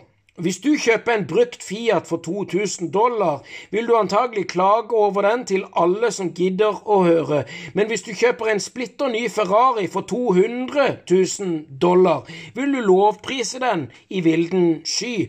Ikke fordi bilen er så god, men fordi du har betalt så mye for den at du er nødt til å tro at den er den mest vidunderlige i verden. Selv i romantikkens verden vet en hvilken som helst æregjerdig romie eller verfer at det ikke finnes ekte kjærlighet uten offer. Offeret er ikke bare en metode for å overbevise dine elskede om at du mener alvor, men det er òg en metode for å overbevise deg sjøl om at du virkelig er forelska. Hvorfor tror du kvinner ber elskerne sine om å gi dem en diamantring? Når elskeren har gjort et så stort økonomisk offer, må han overbevise seg sjøl om at det var for en verdig sak. Selvoppofrelse er ekstremt overbevisende. Ikke bare for martyrene, selv om eh, Unnskyld? Ikke bare for martyrene sjøl, men òg for tilskuerne. Det er få guder, nasjoner eller revolusjonære som klarer å beholde sin posisjon uten martyrer. Hvis du tar det den friheten og stille deg spørsmål med det guddommelige dramaet, den nasjonalistiske myten eller den revolusjonære sagaen, så blir du øyeblikkelig irettesatt. Og jeg siterer men de veldesignede martyrene våre døde for dette. Våger du å si at de døde for ingenting? Mener du at heltene våre er idioter? Sitat slutt. For sjiamuslimer så nådde det kosmiske dramaet sitt høydepunkt på Ashura-dagen, den tiende dagen i måneden Musharram. 16 år etter Hira, 10. oktober 680 etter den kristne kalenderen. Den dagen massakrerte soldatene til det onde tronraneren Yazid, profeten Mohammeds barnebarn, Hussein ibn Ali og en liten gruppe av tilhengere hans med Karbala i Irak. For sjiamuslimene symboliserer Husseins martyrdom den evige kampen mellom det gode og det onde, og de undertryktes kamp mot urettferdighet. På samme måte som kristnes gang på gang gjenopplever drama med korsfestelsen og imiterer Jesu lidelse, så gjenopplever sjiamuslimene drama med Ashura og imiterer lidelsene til Hussein. Millioner av sjiamuslimer samles årlig med helligdommen i Karbala, der Hussein led martyrdøden, og på Ashura-dagene iscenesetter sjiamuslimer over hele verden sørgeritualet der de i noen tilfeller pisker seg sjøl med lenke og skjærer seg sjøl med kniver. Ashuras betydning begrenser seg ikke til et sted og en dag. Ayatollah Rolla Kormaini og utallige andre sjiamuslimske ledere har gjentatte ganger fortalt følgerne sine at, og jeg siterer, hver dag er Ashura, og hvert sted er Karbala. slutt. Hussein martyrdød ved Karbala gir følgelig mening til hver begivenhet hvor som helst og når som helst. Og selv de mest hverdagslige avgjørelser bør anses for å ha innvirkning på den store kosmiske kampen mellom det gode og det onde. Hvis du våger å tvile på denne historien, så vil du straks bli minnet på Karballa, og du kan ikke gjøre noe verre synd enn å tvile på å spotte Husseins martyrdom. Hvis det er få matyrer og finne, og folk ikke er villige til å ofre seg, så er det andre alternativ for offerpresten, å få de til å ofre noen andre i stedet. Du kan f.eks. ofre et menneske til den angivelige guden Bal, brenne en kjeter på bålet til ære for Jesus Kristus, henrette utro kvinne fordi alle har sagt det, eller sende klassefiende til Gulag, og når du gjør det, så begynner en liten annen form for offeralkemi å virke på det. Når du påfører deg sjøl lidelse i en eller annen histories navn, så gir det deg et valg. Jeg siterer Enten er historien sann, eller så er jeg godtroende idiot. Og når du påfører andre lidelse, så gir det også et valg, og jeg siterer, enten er historien sann, eller så er jeg en brutal kjeltring. Vi vil ikke innrømme at vi er idioter, og vi vil heller ikke innrømme at vi er kjeltringer, så da foretrekker vi å ikke tro at historien er sann. I den iranske byen Mashad i mars i 1839 sa en lokal kvakksalver til en jødisk kvinne med en hudsykdom at hvis hun drepte en hund og vasket hendene i hundeblodet, ville hun bli helbredet. Mashad en hellig sjiamuslimsk by, og tilfeldigvis så tok kvinnen den bloddryppende behandlingen på den hellige Ashura-dagen. Hun ble sett av noen sjiamuslimer som trodde, eller hevdet å tro, at kvinnen drepte hunden for å håne martyrdøden i Karbala. Ryktene om den ufattelige hellige brøden spredte seg raskt til Mashads gate, og opphildet av den lokale imamen brøt en rasende folkemengde seg inn i jødekvarteret, satte synagogen i brann og drepte 36 jøder på flekken. Deretter fikk den gjenlevende jøden i Mashad et fryktelig valg. Konverter til islam umiddelbart, eller bli drept. Den tarvelige episoden skader ikke akkurat Mashads rykte som i sitat Irans åndelige hovedstad.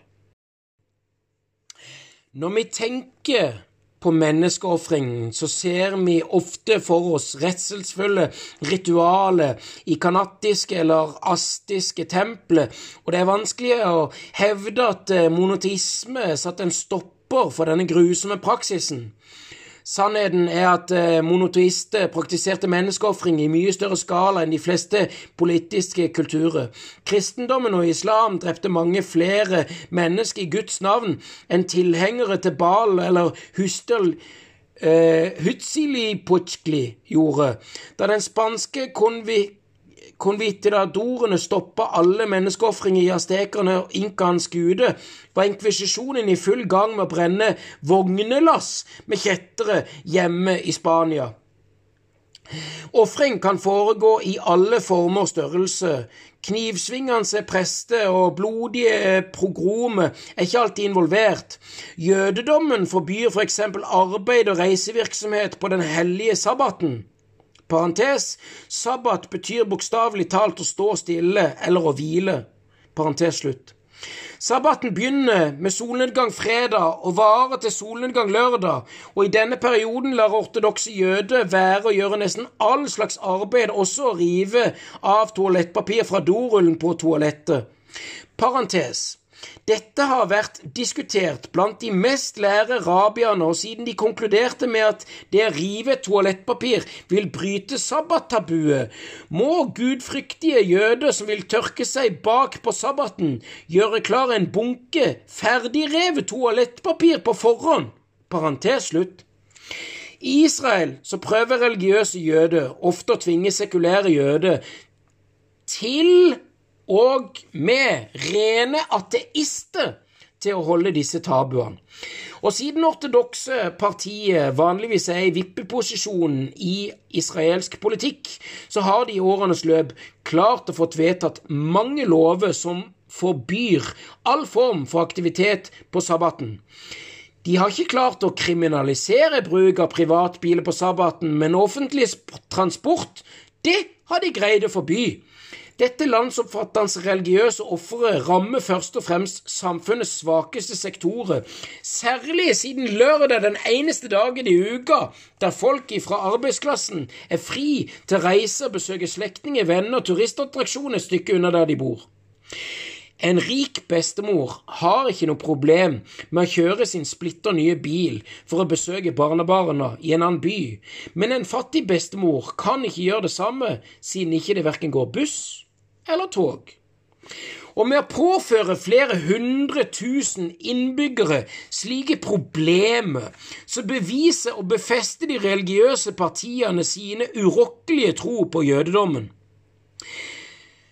Det utgytes, det utgytes ikke blod, men mange menneskers ve og vel blir likevel ofre.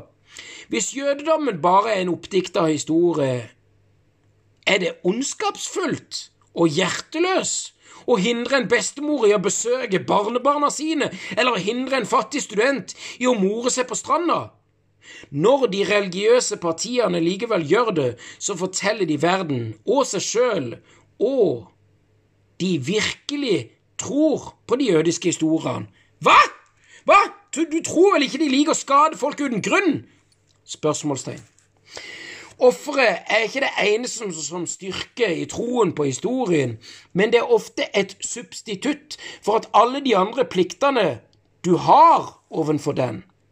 Mange av menneskenhetens store historier har innført idealet som de færreste klarer å leve opp til. Så hvor mange kristne følger faktisk opp de ti bud til punkt og prikke, uten noen gang å lyve eller å begjære? Hvor mange buddhister har nådd det egofrie stadiet så langt? Og hvor mange sosialister arbeider så hardt at de bare uten grunn kan ta mer enn de faktisk trenger? Og når folk ikke klarer å leve opp til idealet, så velger de å ofre noe i stedet. En hindu kan drive med skattesvindel, gå til en og annen prostituert og mishandle de gamle foreldrene sine, men likevel overbevise seg sjøl om at han er svært gudfryktig menneske fordi han støter ødeleggelsen av Babri-moskeen i Adoya, Adaoya og til og med donert penger for å bygge et hindutempel der i stedet. Akkurat som i gamle dager så ender menneskets søken etter mening i det 21. århundre altfor ofte med en rekke ofre. Identitetsporteføljen. De gamle egypterne, kanatierne og grekerne graderte seg med hensyn til ofrene de gjorde. De hadde mange guder, og hvis én svikta de, så håpa de at en annen ville stille opp. Derfor ofra de til solguden om morgenen, til jordgudinnen midt på dagen og til en brukket blanding av alver og demoner om kvelden. Det har heller ikke enda seg noe svært Eh, det har heller ikke endra seg noe særlig. Alle historiene og gudene og folk tror på i dag, enten det er Jehova, Mammonen, nasjonen eller revolusjonen, er ufullstendige, fulle av hull og motsigelse. Derfor setter folk sjelden hele sin lit til en eneste historie. I stedet har de en portefølje av ulike historier og identiteter, bytta fra den ene til den andre etter behov. Og en slik kognitiv dissonans er dypt rotfesta i nesten alle samfunn og bevegelse. Bare tenk på en typisk Tea Party-tilhenger som på en eller annen måte klarer å tilpasse seg en glødende tro på Jesus Kristus til en sterk prof, eh, protest mot myndighetenes velferdspolitikk og solid støtte til Nasjonal Rifle Association, eller NRA. Var ikke Jesus litt mer opptatt av å hjelpe de fattige enn å bevæpne seg til tennene? Det kan virke litt inkompatibelt, men menneskehjernen har mange skuffer rom, og noen nevroner snakker rett og slett ikke til hverandre. På samme måte som man kan finne mange Bernie Sanders-tilhengere som har en vag tro på en fremtidig revolusjon, samtidig som de mener det er viktig å investere pengene sine klokt. De har ingen problemer med å hoppe fra diskusjonen om den urettferdige fordelingen av rikdom i verden til diskusjonen om hvordan de går med på investeringer de har gjort på Wall Street. Det finnes knapt et menneske som bare har én identitet. Ingen er bare muslim, bare italiener eller bare en kapitalist. Men en gang iblant så kommer det en fanatisk trosretning som insisterer på at folk bare skal tro på én en eneste historie og ha én en eneste identitet. I de siste generasjonene har de mest fanatiske av disse trosretningene vært fascismen. Fascismen insisterte på at folk ikke skulle tro på noen annen historie enn den nasjonalistiske, og ikke ha noen annen identitet enn den nasjonale. Ikke alle nasjonale er fascister, og de fleste nasjonalister har stor tro på sin egen nasjons historie og legger vekt på nasjonens unike meritter og de unike forpliktelsene de har ovenfor nasjonen. Samtidig som de erkjenner at det finnes noen andre viktige ting her i verden enn deres egen nasjon. Jeg kan være en lojal italiener med spesielle forpliktelser overfor den italienske nasjonen, og samtidig som jeg har andre identiteter, kan jeg òg være sosialist, katolikk, ektemann, far, forsker, vegetarianer, og hver av disse identitetene fører med seg ytterligere forpliktelser, og av og til så trekker jeg flere av disse identitetene i ulike retninger, og noen av forpliktelsene kommer i konflikt med hverandre. Men hvem har sagt at livet er lett? Fascisme er det som skjer når nasjonalisme vil gjøre livet for enkelt for seg sjøl, med å fornekte at alle andre identiteter og forpliktelser og Den siste tiden så har det vært mye forverring om den nøyaktige betydningen av fascisme. Folk kaller nesten alle det de ikke liker, for en fascist. Termen står i fare for å degenerere til et allment skjellsord. Så hva betyr det egentlig? Kort sagt lærer nasjonalisme meg at min nasjon er unik, og at jeg har spesielle forpliktelser overfor den, mens fascismen sier at nasjonen min er overlegen til alle andre, og at jeg skylder den, og bare den, absolutt alt. Jeg må aldri prioritere interessene til noen annen gruppe eller noe annet menneske fremfor interessen til nasjonen, uansett hva omstendigheten måtte være. Selv om nasjonen min bare vil tjene ørlite grann på å påføre millioner av fremmede mennesker i et land langt unna store liderster, skal jeg ikke, no, skal jeg ikke ha noe kvaler med å støte nasjonen.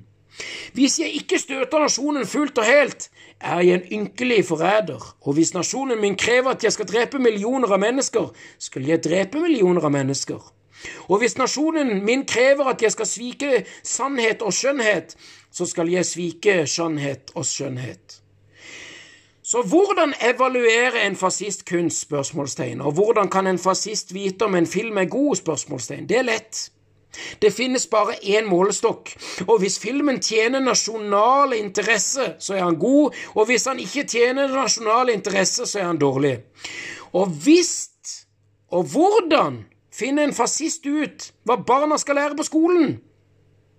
Han bruker den samme målestokken. Barna skal lære det som tjener nasjonalens og nasjonens interesse. Sannheten spiller ingen rolle. Nasjonsdyrking er ekstremt forlokkende. Ikke bare fordi det forenkler mange vanskelige dilemmaer, men òg fordi det får folk til å tro at de tilhører de viktigste og vakreste i verden nasjonen. Grusomhetene under den andre verdenskrig og holocaust er undertrykk av de fryktelige konsekvensene av en slik tenkemåte. Når folk snakker snakker om ondene ved fascismen, så gjør de ofte en dårlig jobb fordi de har ikke en tendens til å skildre fascisme som et fælt monster, uten å forklare hva som er så forførende med det.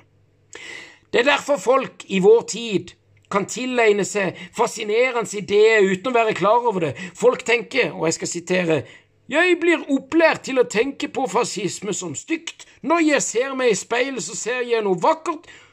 Så jeg ikke noe eh, fascist? Så jeg kan ikke være fascist? Sitat slutt. Det blir omtrent tabben filmskaperne i Hollywood gjør når de skildrer skurkene Voldemort, lord Sauron og Darth Vader som stygge og fæle og de er som regel ondskapsfulle og slemme mot sine mest lojale støttespillere, til og med. Det jeg aldri forstår når jeg ser slike filmer, er hvorfor noen skulle være fristende til å følge en så avskyelig snik som Voldemort. Problemet med ondskap er at den ikke nødvendigvis er stygg i virkeligheten. Den kan se virkelig vakker ut. Det visste kristendommen bedre enn Hollywood, og derfor skildrer tradisjonell kristen kunst ofte djevelen som en flott mann. Det er derfor det er så vanskelig å motstå djevelsen fristelse. Det er også derfor det er så vanskelig å håndtere fascisme. Når du ser i fascistspeilet, ser du det du får øye på, ikke det du minst ser stygt ut. Da tyskerne så i fascistspeilet i 1930-årene, så de Tyskland som det vakreste i verden. Og hvis russerne ser i fascistspeilet i dag, så vil de se Russland som det vakreste i verden. Og hvis israelerne ser i fascistspeilet, vil israelerne se det vakreste i verden. De vil få lyst til å fortape seg i dette vakre fellesskapet. Ordet gåseøyne fascisme kommer av det latinske fasis som betyr bunt eller knippe. Og det kan lyde som et glamorøst symbol for en verdenhistorie og uhyggelig betydning. Et enkelt kvist er svak og lett å knekke i to, men når du bunter mange kvister sammen til et knippe, fasis, blir det nesten umulig å knekke dem. Det betyr at enkeltmennesket ikke er en, av betydning, men så lenge alle holder sammen, får menneskene stor makt. Derfor tror fascistene på å gi kollektive interesser prioritet fremfor interessene til enkeltmennesket, og krever at ikke en eneste kvist drister seg til å bryte knippets enhet. Det blir naturligvis aldri helt klart hvor et menneskeknippe begynner og et annet begynner. Hvorfor skal jeg se på Italia som det knippet jeg tilhører? spørsmålstegn. Hvorfor kan ikke det være familien min, byen Firenze, landsdelen Toskana, kontinentet Europa eller hele menneskenheten? spørsmålstegn. Mildere former for nasjonalisme vil si at jeg selvsagt skal ha forpliktelser overfor familien, Firenze, Europa og menneskenheten, samtidig som jeg har spesielle forpliktelser overfor Italia, italienske fascister. Derimot så vil jeg kreve full lojalitet til Italia og bare Italia. Til tross for den iherdige innsatsen til Mussolini og de fascistpartiet hans, var de fleste italienere temmelig lunkne til tanken om å sette Italia foran La Familia. I Tyskland så gjorde den nazistiske propagandamaskinen en mye grundigere jobb, men selv ikke Hitler klarte å få folk til å glemme alle alternative historier. Selv i den mørke naziperioden hadde folk det med å ha noen andre historier i bakhånd i tillegg til den offisielle. Dette ble veldig tydelig i 1945. Man skulle tro at mange tyskere etter tolv år med nazistisk hjernevask ville være ute av stand til å ta livet til å få livet etter krigen til å gi mening. Men hva skal man gjøre når en så stor historie har satt hele sin lit til, går i oppløsning? De fleste tyskerne kom overraskende fort til hektene, og et sted i bakhodet hadde de beholdt andre historier om verden, og så snart Hitler hadde skutt seg i hodet, så fant folk i Berlin, Hamburg og München nye identiteter og en ny mening med livet. Sant nok så begikk omtrent 20% av nazistenes eh, Gauleiters regionale partiledere og 10% av generalenes selvmord. Det betyr at 80% av alle Gauleiters og 90% av generalene ikke hadde noe imot å leve videre. De aller fleste nazister i høye stillinger, til og med folk med SS-grad og rang, ble verken gale eller begikk selvmord. De fortsatte som produktive bønder, lærere, lege og forsikringsagenter. Selv ikke selvmord er bevis for at man har gått fullt og helt inn for en bestemt historie. Og 13. november 2015 iscenesatte Den islamske stat flere selvmordsangrep i Paris som tok livet av 130 mennesker. Ekstremistgruppa forklarte at det de gjorde dette var for å hevde det franske flyvåpenets bombing av IS-aktivister i Syria og Irak, og i et håp om at Frankrike skulle avstå fra å gjøre flere slike bombeangrep. I samme åndedraget erklærte også Den islamske stat at alle muslimer som var blitt drept av franske flyvåpenet, var martyrer, og nå nøt himmelens evige velsignelser. Her er det noe som ikke gir mening. Hvis martyrene som blir drept av det franske flyvåpenet, er himmelen nå, så er det vel ingen grunn til å hevne dem. Hevn for hva da? for å sende folk til himmelen? For hvis du nettopp har fått høre at den kjære broren din har vunnet en million dollar i lotteriet, ville du vel ikke begynne å sprenge lotteribodet som hevn? Hvorfor herje rundt i Paris bare fordi det franske flyvåpenet har gitt noen av brødrene dine en enveisbillett til paradis? Hvis du faktisk klarte å hindre franskmennene i å gjøre flere bombeangrep mot Syria, så ville det bli enda verre, for da ville det bli enda færre muslimer komme til himmelen. Vi kan la oss friste med å konkludere med at IS-aktivister egentlig ikke tror at martyrer kommer til himmelen, og at det er derfor de blir sinte når de blir bomba og drept. Men hvorfor ifører de noen av dem som belter seg med eksplosiver og skyter seg sjøl i fillebiter? Svaret er høyst sannsynlig at de holder seg med to motstridende historier uten å tenke noe særlig over uoverensstemmelsene. Som tidligere nevnt er det sånn at noen nevroner faktisk ikke er på talefot.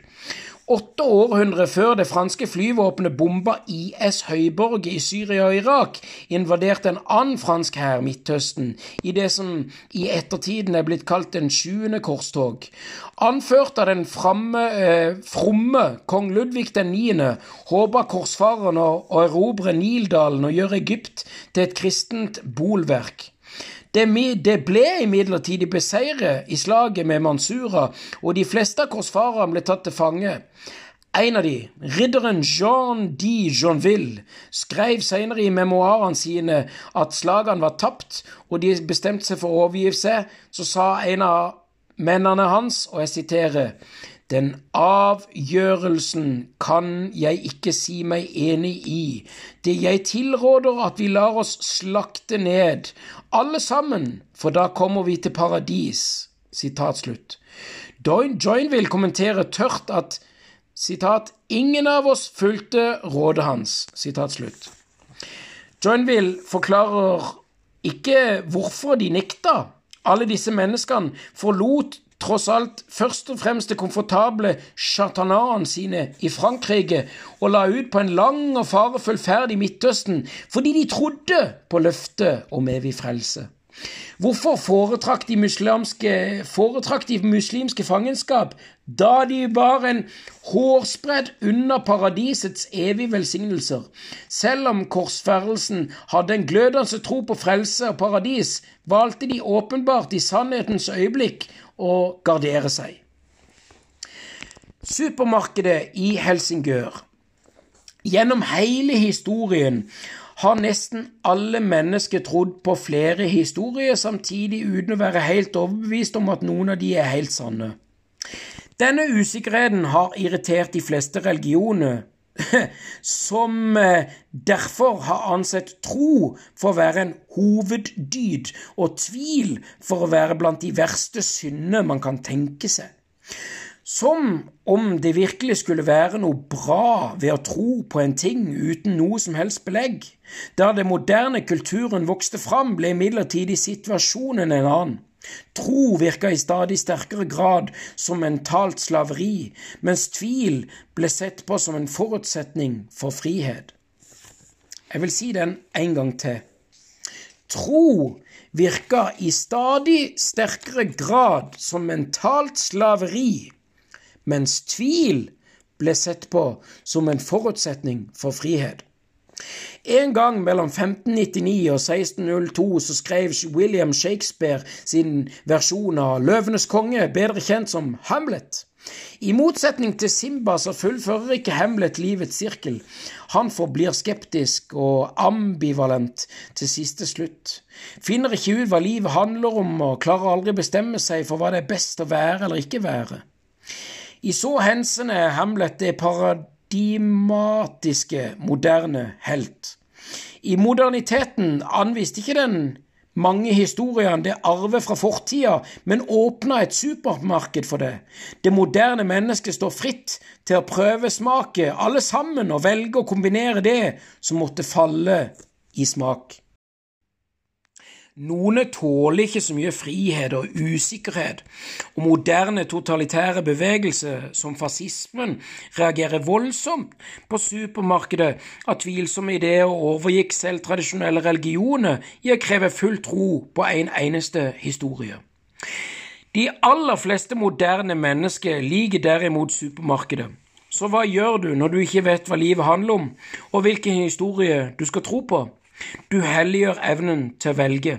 Du blir stående i supermarkedet hele tida med makt og frihet til å velge akkurat hva du vil, undersøke produktene som ligger foran deg, og frys bildet, kutt, kutt, kutt, slutt, kjør rulletekst. Ifølge liberal mytologi vil du før eller senere oppleve den liberale åpenbaringen og forstå den sanne meninga med livet hvis du står lenge nok i det store supermarkedet. Alle historiene på hyllene er usanne. Meninga med livet er ikke, et er ikke et ferdiglagd produkt. Det finnes ikke noe guddommelig manuskript, og ingenting utenfor meg sjøl kan gi livet mitt mening. Det er, det er meg som gir livet mening gjennom mine frie valg og egne følelser. I fantasyfilmen Willow, en middelmådig eventyr av George Lucas, er helten som har gitt filmens navn, en vanlig dverg som drømmer om å bli en stor trollmann og lære seg eksistensens hemmeligheter. En dag så kommer en trollmann innom landsbyen på utkikk etter en lærling, og Willow og to andre håpefulle dverger presenterer seg, og trollmannen setter aspiranten på en enkel prøve. Han rekker fram høyre hånd spriker med fingrene og spør med Yoda-aktig stemme, og jeg skal sitere og prøve å lage yogastemme. Makten til å kontrollere verden ligger i hvilken finger? Sitat slutt. Hver av de tre dvergene velger en finger, men alle velger feil. Likevel så merker trollmannen seg noe med Willow, og seinere så spør han og jeg prøver igjen. Hva var det første du tenkte på da du holdt fram fingeren? Åh, det var så dumt, sier Willow pinlig berørt. Jeg, jeg tenkte bare skulle velge min egen finger. Aha, utbryter trollmannen triumferende. Det var riktig svar. Du mangler tro på deg selv. Liberal mytologi går aldri lei av å gjenta denne leksen. Det var våre egne menneskefingre som skrev Bibelen, Koranen og Vedaene. Det er våre egne hjerner som gir disse historiene makt. Og det er ingen tvil om at historiene er vakre, men skjønnheten ligger bare i øynene til dem som ser. Jerusalem, Mekka, Varanesi og Bodigaya er hellige steder, men bare på grunn av følelsene menneskene får når de drar dit. Universet er bare et meningsløst sammensurium av atomer. Ingenting er vakkert, hellig eller sexy, men menneskets følelser gjør de til det. Det er bare menneskets følelser som kan gjøre at et rødt eple virker fristende og en bæsj virker frastøtende. Fjern følelsene, og du står igjen med en masse molekyler. Vi håper å finne en mening med å skape rom for oss sjøl i en ferdiglagd historie om universet. Men ifølge det liberale tolkninga av verden er sannheten det helt motsatte. Universet gir meg ingen mening. Det er vi som gir mening til universet. Dette er mitt kosmiske kall. Hvis jeg har ingen forutbestemt skjebne eller dharma, er i Simbal eller i Arjuanes sko, så kan jeg velge å kjempe for å vinne kronen i et kongedømme, men jeg er ikke nødt til det. Jeg kan like gjerne slå meg sammen med en omreisende sirkus, dra til Broadway for å synge en musikal, eller flytte til Silicon Valley og etablere et nytt eh, IT-selskap, og jeg står fritt til å skape min egen dharma. I likhet med alle andre kosmiske historier begynner også den liberale historien med en skapelsesberetning. Den forteller at skapelsen foregår hvert sekund, og det er vi som er skaperen. Så hva blir da målet med livet mitt? Å skape mening med å føle, tenke, begjære og finne på.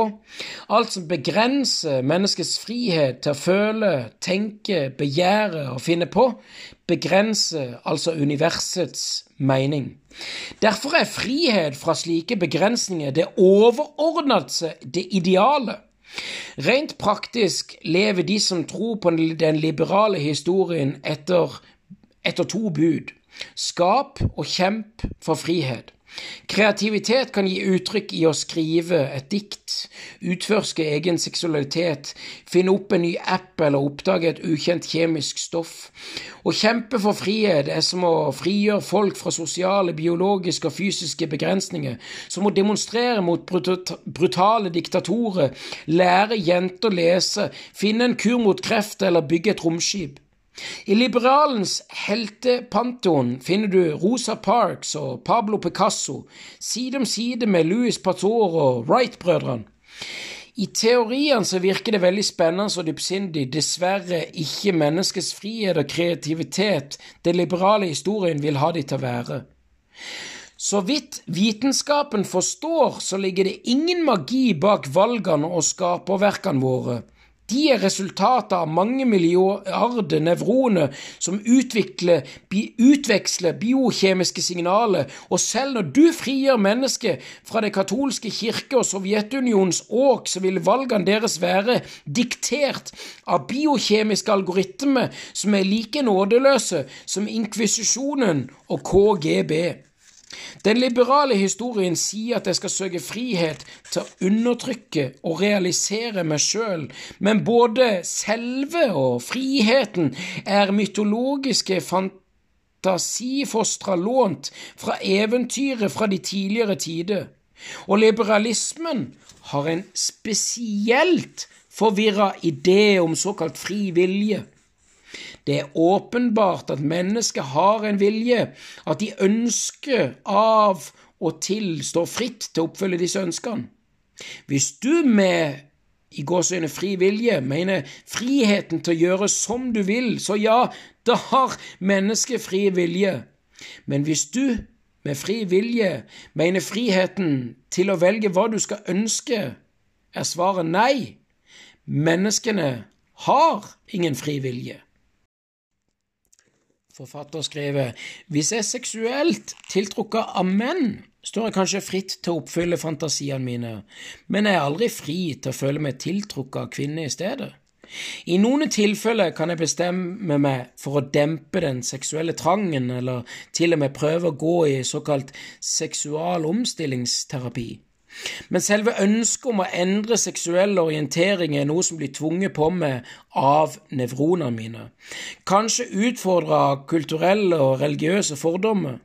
Så hvorfor skammer en person seg over sin seksualitet og kjemper for å endre den, mens en annen lovpriser den samme seksuelle begjæret uten et stikk av skyldfølelse? Du kan si at den første kan ha sterkere religiøse følelser enn den andre, men velger folk fritt om de skal ha sterke eller svake religiøse følelser. En person kan bestemme seg for å gå i kirka hver søndag i et eh, bevisst forsøk på å styrke sin svake religiøse følelse. Men hvorfor prøve en annen person å bli mer religiøs, mens en annen er strålende fornøyd med å forbli ateist? Det kan være et resultat av eh, ulike kulturelle og genetiske anlegg, men det er aldri et resultat av såkalt fri vilje. Det som er sant med hensyn til seksuelt begjær, er sant for alt begjær, og for alle følelser og tanker. Bare tenk på det som neste tanken som dukker opp i hodet ditt. Hvor, eh, hvor kom den fra? Valgte du fritt å tenke på den tanken, og så tenkte du den ikke før du valgte å gjøre det? Nei. Prosessen med selvforskning begynner med enkle ting og blir stadig vanskeligere. Først innser vi at vi ikke kontrollerer omverdenen. Jeg bestemmer ikke når det skal regne. Og så går det for at vi ikke kontrollerer det som skjer inni vår egen kopp. Jeg kontrollerer ikke mitt eget blodtrykk. Det neste vi innser, er at ikke vi styrer vår egen hjerne. Jeg gir ikke beskjed til nevroner når det skal sende ut impulser. Og til slutt så bør vi innse at ikke vi kontrollerer våre egne lengsler, ikke engang hvordan vi reagerer på disse lengslene. En slik bevisstgjøring kan hjelpe oss med å bli mindre besatt av egne oppfatninger, følelser og ønsker. Vi har ingen fri vilje, men vi kan bli litt mer fri fra viljens tyranni. Mennesket legger som regel så stor vekt på ønskene sine at de prøver å kontrollere og forme hele verden etter disse ønskene. I menneskens higen etter å oppfylle lengselet, så flyr de til månen, fører verdenskrig og destabiliserer hele økosystemet. Hvis vi lærer oss å forstå at ønskene våre ikke er den frie viljens magiske manifestasjoner, men snarere et produkt av biokjemiske prosesser, parentes, påvirka av kulturelle faktorer som også ligger utenfor vår kontroll, parentes slutt, så blir vi kanskje mindre opptatt av de og det er bedre å lære å forstå oss sjøl, vår egen hjerne og egne ønsker, enn å prøve å oppfylle alle fantasiene som måtte dukke opp i hodene våre. Når vi skal lære å forstå oss sjøl, så er det viktig å erkjenne at selve er en oppdikta historie som de intrikate mekanismene i hjernen kontinuerlig produserer, oppdaterer og omskriver. Jeg har en historieforteller i hodet som forklarer hvem jeg er, hvor jeg kommer fra, hvor jeg er på vei, og hva som skjer akkurat nå. I likhet med myndighetenes politiske talsmenn som forklarer de politiske omveltningene, så tar den indre fortelleren feil gang på gang, men, den, men det vil han sjelden eller aldri innrømme. Og på samme måte som myndighetene bygger opp en nasjonal myte med flagg og ikoner og parade, så bygger min indre propagandamaskin opp en personlig myte med mine kjære minner og høyt verdsatte traumer, som ofte ligger langt under sannheten. I eh, Facebookens og Instagrammens eh, tidsalder så kan du observere denne myteskapelsesprosessen mye tidligere enn før, fordi noe av det er blitt ut kontraktert fra hjernen til datamaskinen. Det er fascinerende og skremmende å betrakte det mennesket som tilbringer utallige timer med å konstruere og utbrodere et såkalt perfekt jeg på nettet, knytte seg til sitt eget skaperverk og forveksle det med sitt sanne jeg. Slik blir en familieferie med trafikkorker, småkrangler og anspent taushet en samling vakre vakre panoramabilder, perfekte middager og smilende fjes, og 99% av det vi opplever, blir aldri en del av selvets historie. Det er spesielt bemerkelsesverdig at vårt fantasi-jeg ofte er veldig visuelt, mens våre faktiske opplevelser er kroppslige, og i fantasien ser du en scene for deg i hodet eller på datamaskinen, og du ser deg stå på en tropisk strand med det blå havet bak deg, med et stort smil og en cocktail i den ene hånda og den andre hånda armen rundt livet til den elskede. Paradis! Det bildet ikke viser, er den irriterende insektet som biter deg i beinet, den ekle følelsen i magen etter du har spist bederva fiskesuppe, kjevemusklene som strammer fordi du må smile et stort, falskt smil, og den stygge krangelen den lykkelige par hadde for bare fem minutter siden. Om ikke vi bare kunne føle hva menneskene på bildene følte da de tok de? Ja, hvis vi virkelig vil forstå oss sjøl, så bør du altså ikke identifisere deg med Facebook-kontoen din eller selvets indre historie. Jeg tror jeg skal lese den en gang til. Hvis du virkelig vil Hvis du virkelig vil forstå deg sjøl, så bør du altså ikke identifisere deg sjøl med Facebook-kontoen din eller med selvets indre historie. Du bør heller observere kroppens og sinnets faktiske strømninger, og da vil du kunne se tanker, emosjoner og ønsker dukke opp og forsvinne uten synderlig grunn og uten ordre fra det, og på samme måte som når skiftende vinder blåser herfra derfra, buster håret dit og hit. Du er ikke vinden.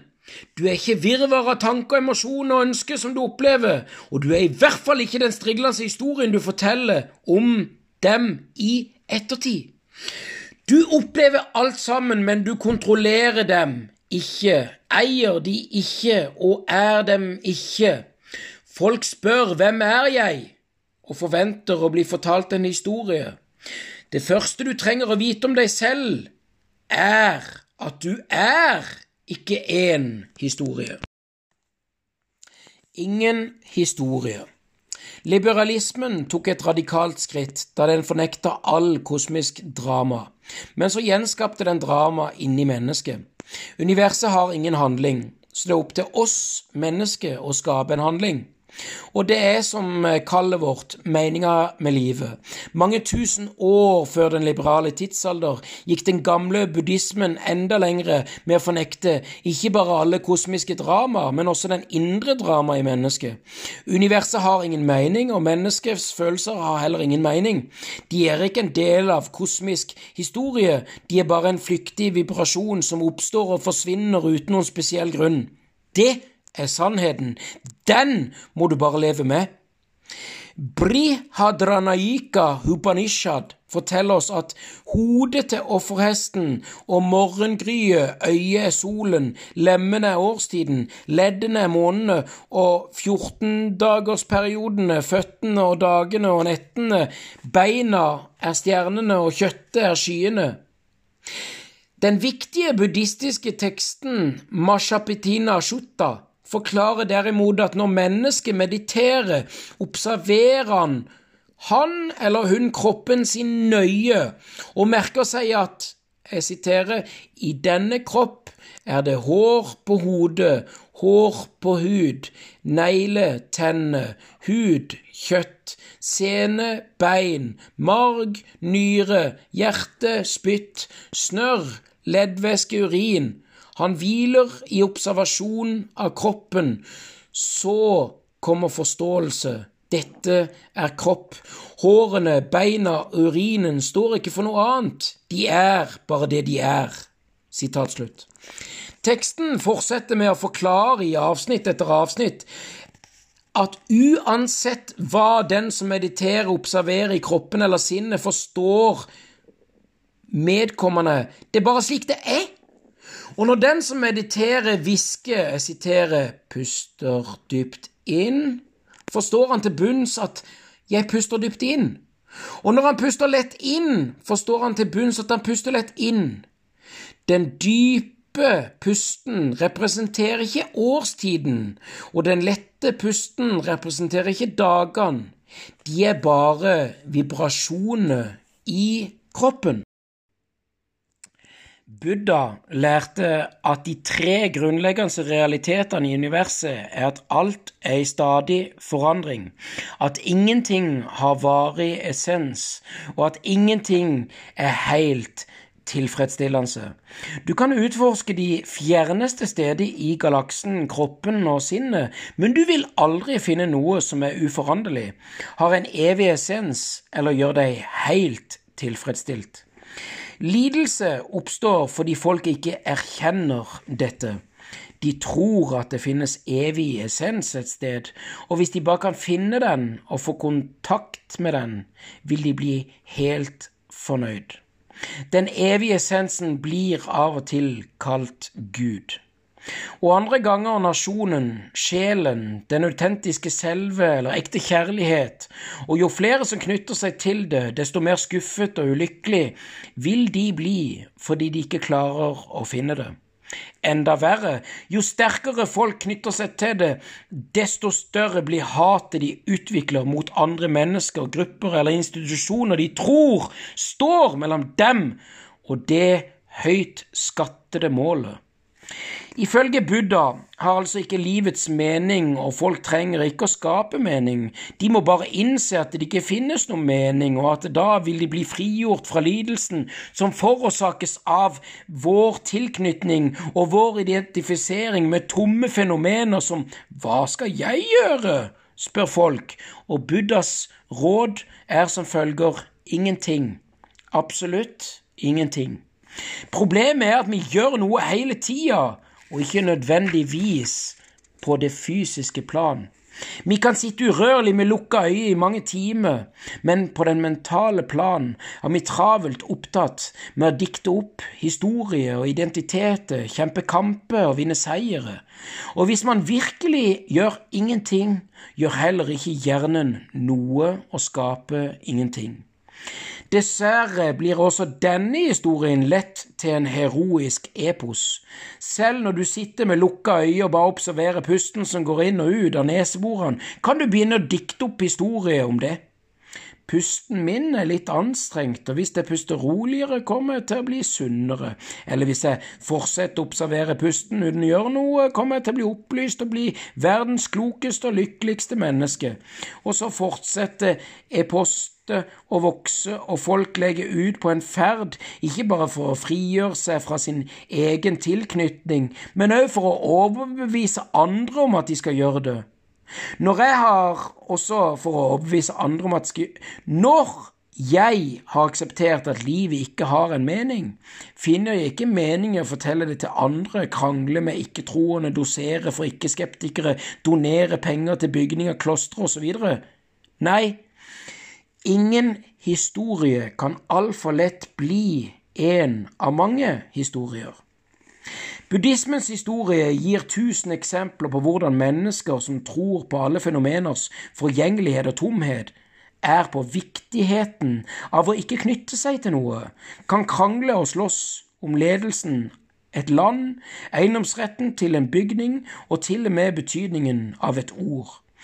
Det er uheldig, men forståelig å krangle og slåss med andre fordi du tror på en evig Gud salighet, å krangle og slåss med andre fordi du tror på at fenomenets tomhet er rett og slett underlig, men svært menneskelig. På 1700-tallet var det kongelige nabodynastiene Burma og Siam begge stolte av sin tro på Buddha og vant legitimitet ved å beskytte det buddhistiske tro. Kongene donerte penger til klostre, bygde pagode og lytta til ukentlig til beleste munker som holdt uførlige seremonier om de fem grunnleggende moralske forpliktelsene til alle mennesker. 1. Å avstå fra drap. 2. Tyveri. Tre seksual mishandling. Fire bedrageri og fem beruselse. Likevel utkjempa de to kongedømmene brutale kamper. 7. april 1767 storma hæren til det burmiske kong Sinbihushin-hovedstaden i Siam etter en langvarig beleiring, og de seirende troppene plyndra, voldtok og ble sikkert òg berusa her og der. Deretter brente de mye av byen med slott, kloster og pagoder til grunne og tok med seg mange tusen slaver og kjerrelass med gull og edelsteiner hjem. Dette betyr ikke at kong Shishbushin tok lett på det buddhistiske tro. Sju år etter denne store seieren seilte kongen i et kongelig prosesjon nedover den store Irava-elven og ba i alle de viktigste pragodens underveis, og ba Buddha om å velsigne hæren hans med enda flere seire. Og da Veshin Bushin kom til Ragun, bygde han opp igjen, utvidet den hellige bygningen i hele Burma og Svagduga-pagoden, han forgylte du vitende bygning med sin egen vekt i gull, reiste et gullspir i toppen av pagoden og prydet spiret med kostbare edelsteiner, eh, parentes, kanskje stjålet fra Siam. Parentes slutt. Han benytta også anledningen til å henrette den fengslede kongen av Pegu og broren og sønnen hans, og i 1930-årene Japan fant folk på enda mer fantasifulle metoder for å kombinere buddhistiske doktriner med nasjonalisme, nasjonalisme militarisme og fascisme. Radikale buddhistiske tenkere som Nishono Ikono, Ikikita og Tanaka Chikawa hevda at folk, for å løse opp i egne egoistiske tilknytninger, måtte gi seg hen til keiseren, legge bort alle personlig tenkning og vise nasjonens full lojalitet. Flere ultranasjonalistiske organisasjoner blir inspirert av disse ideene, deriblant en fanatisk militær gruppe som prøvde å styrte Japans konservative politiske system gjennom en snikmordkampanje.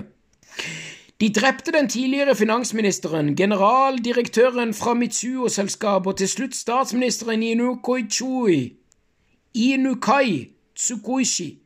Dermed satte de fart på Japans forvandling til militærdiktatur, og da militæret etter hvert gikk til krig, formante buddhistiske prester å sende meditasjonslærere uselvisk lydighet til statlig myndighet og anbefalte folk å ofre seg for krigsinnsatsen.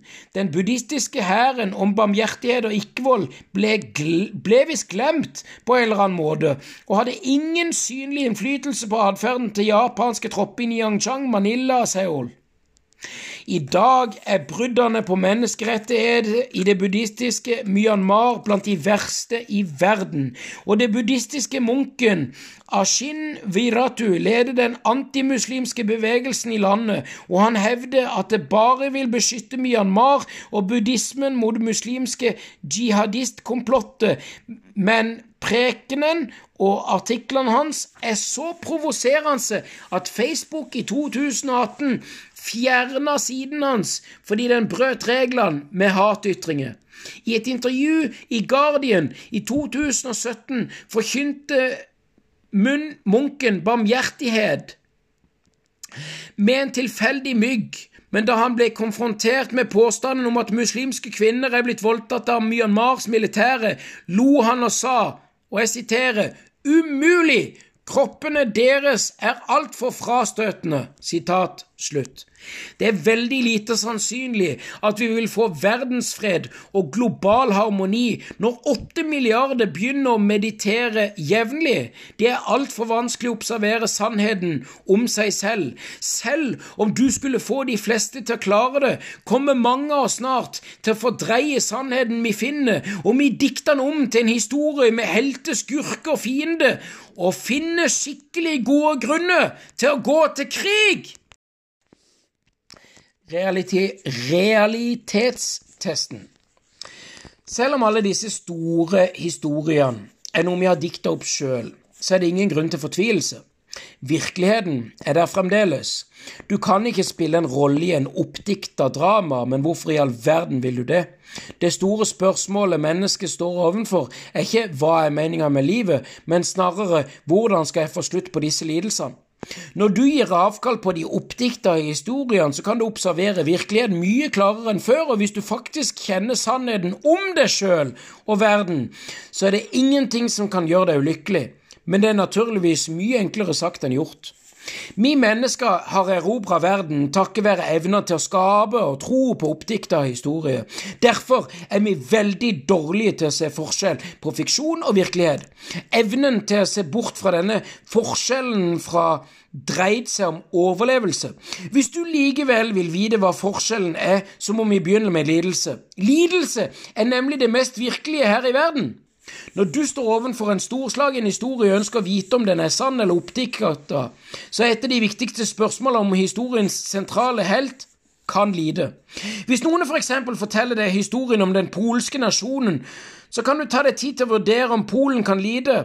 Adam Mishkevitsj, den store rom romantiske poeten og far til moderne polske nasjonalismen, kalt Polen nasjonens Kristus, Mischkowitz skrev i 1832, flere tiår etter at Polen ble delt mellom Russland, Prausen og Østerrike, og like etter det polske opprøret i 1830 ble brutalt knust av russerne, at Polens fryktelige lidelser var et offer på vegne av hele menneskenheten som kunne sammenlignes med Jesu offer, og at Polen i likhet med Kristus ville stå opp fra de døde, og i en berømt passasje skrev Mischkowitz at, og jeg skal sitere, Polen sa til Europas folk den som kommer til meg, skal være fri og jevnbyrdig, for jeg er frihet.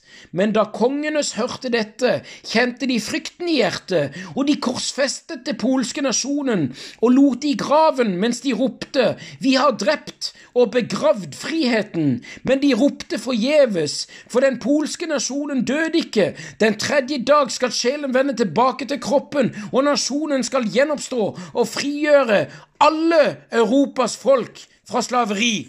Sitat slutt. Kan en nasjon virkelig lide? Har en nasjon øyne, hender, sanse, følelse og lidenskap? Kan den blø hvis du stikker i den? Selvfølgelig ikke. Selv ikke om den blir beseira i krig, mister en provins eller til og med taper selvstendigheten, kan den føle smerte, tristhet eller andre vonde følelser. For den har verken kropp, sinn eller noe som helst følelse. Den er rett og slett bare en metafor. Den er bare i fantasien til visse mennesker at Polen er en virkelig vesen som er i stand til å lide. Polen består fordi disse menneskene låner kroppen sin til dette fenomenet, ikke bare for å tjenestegjøre som soldat i den polske hær, men også ved å mer nasjonens glede og sorger. Da nyheten om den polske nederlaget i slaget i Ostroleka nådde Warszawa i mai 1931, knytta mennesket mage i fortvilelse, menneskets brystkasse bevega seg smerte, og menneskets øye fylt av tårer. Dette rettferdiggjør naturligvis ikke den russiske inkvisasjonen, og det undergraver heller ikke polakkenes rett til grunnleggende et selvstendig land og vedta egne lov og skikker. Det betyr imidlertid at virkeligheten til den sjuende og sist ikke kan være historien til den polske nasjonen, men for selve Polens eksistens avhenger av bildet i menneskets hode. Når du kan tenke på skjebnen til en kvinne i Warszawa som ble rana og voldtatt og invadert russiske tropper, i motsetning til de metaforiske lidelsene til den polske nasjonen, så var lidelsene til denne kvinna helt reelle. De ble kanskje forårsaka av menneskets tro på ulike oppdikta historier som russisk nasjonalisme og ortodoks kristendom og mansjåvinistisk heroisme, som inspirerte mange russiske statsmenn og soldater, men lidelse som ble et resultat av alt dette, var like fullt 100% reelle. Når politikere begynner å snakke i mystiske vendinger, så bør du altså være på vakt. Det kan være et forsøk på å skjule og unnskylde reelle lidelser med å pakke de inn i store, uforståelige ord. Vær ekstra årvåken når du hører følgende fire ord offer, evighet, renhet og frelse. Hvis du hører noen av disse ordene, bør alarmen gå, ei ringeklokke og en bjelle i hodet på toppen med en gang. Og hvis du tilfeldigvis bor i et land med en leder som jevnlig sier ting som Ofrene deres ville gjenvinne våre evige nasjonens renhet, kan du være sikker på at du er skikkelig ille ute. For å ikke gå fra forstanden må du alltid prøve å oversette slikt sludder til hva det egentlig betyr. En soldat skriker av smerte, en kvinne blir banket opp og mishandlet, og et barn skjelver av frykt. Hvis du vil vite sannheten om universet, meninga med livet og din egen identitet, er det altså best å begynne med å observere lidelse og finne ut hva det er, for svaret er ingen historie. Yes, da har jeg lest uh, Utdanning og mening i tilpasningsdyktighet, som er mot slutten av denne boka. Eh, mening var et relativt langt eh, kapittel. Derfor eh, velger jeg å holde av den siste delen, som nemlig er meditasjon, til neste uke. Fordi den kan forskes og kobles videre i veldig mye annet flott, og sjøl med min egen erfaring og meditasjon. Og det tenkte jeg liksom ville si litt, var med litt mer sånn oppsummeringsmessig at jeg håper du har lytta, og jeg håper du deler, og jeg håper du har det bra. Vi befinner oss i den mest spennende, krevende tida i menneskehistorien, med uante muligheter og teknologiske og informasjonsutfordringer så det ljometer. Og eh, som jeg sa helt på, på slutten der, eh, vil jeg gjerne si litt grann det at eh, Husk dette her med at hvis du vil vite sannheten, så, så nytter det ikke å tenke på historie eller på religioner.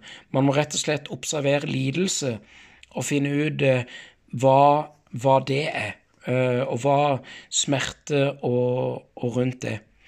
Så eh, fram til da så vil jeg egentlig bare si det at uh, neste Når jeg skal komme ut med ny uh, eh, podkastepisode neste gang, så har jeg hatt bursdag. Det er bare noen dager igjen, så har jeg bursdag. Det gleder jeg meg veldig til. Det blir fantastisk. Og eh, det er under en måned igjen til julaften, så kan jeg aldri får sagt det mange ganger nok. Den positive loven den er enkel å si, men vanskelig å gjennomføre. Tenk positive tanker, bruk positive ord, gjør positive handlinger, og det positive gror. Så eh, fred og kjærlighet til dere alle på moder jord her vi bor. Peace out. Folk kan hate, så kan jeg elske. Jeg elsker det. Instagrammen min sshow2020 nettsida mi 3cell.no. Du er elska.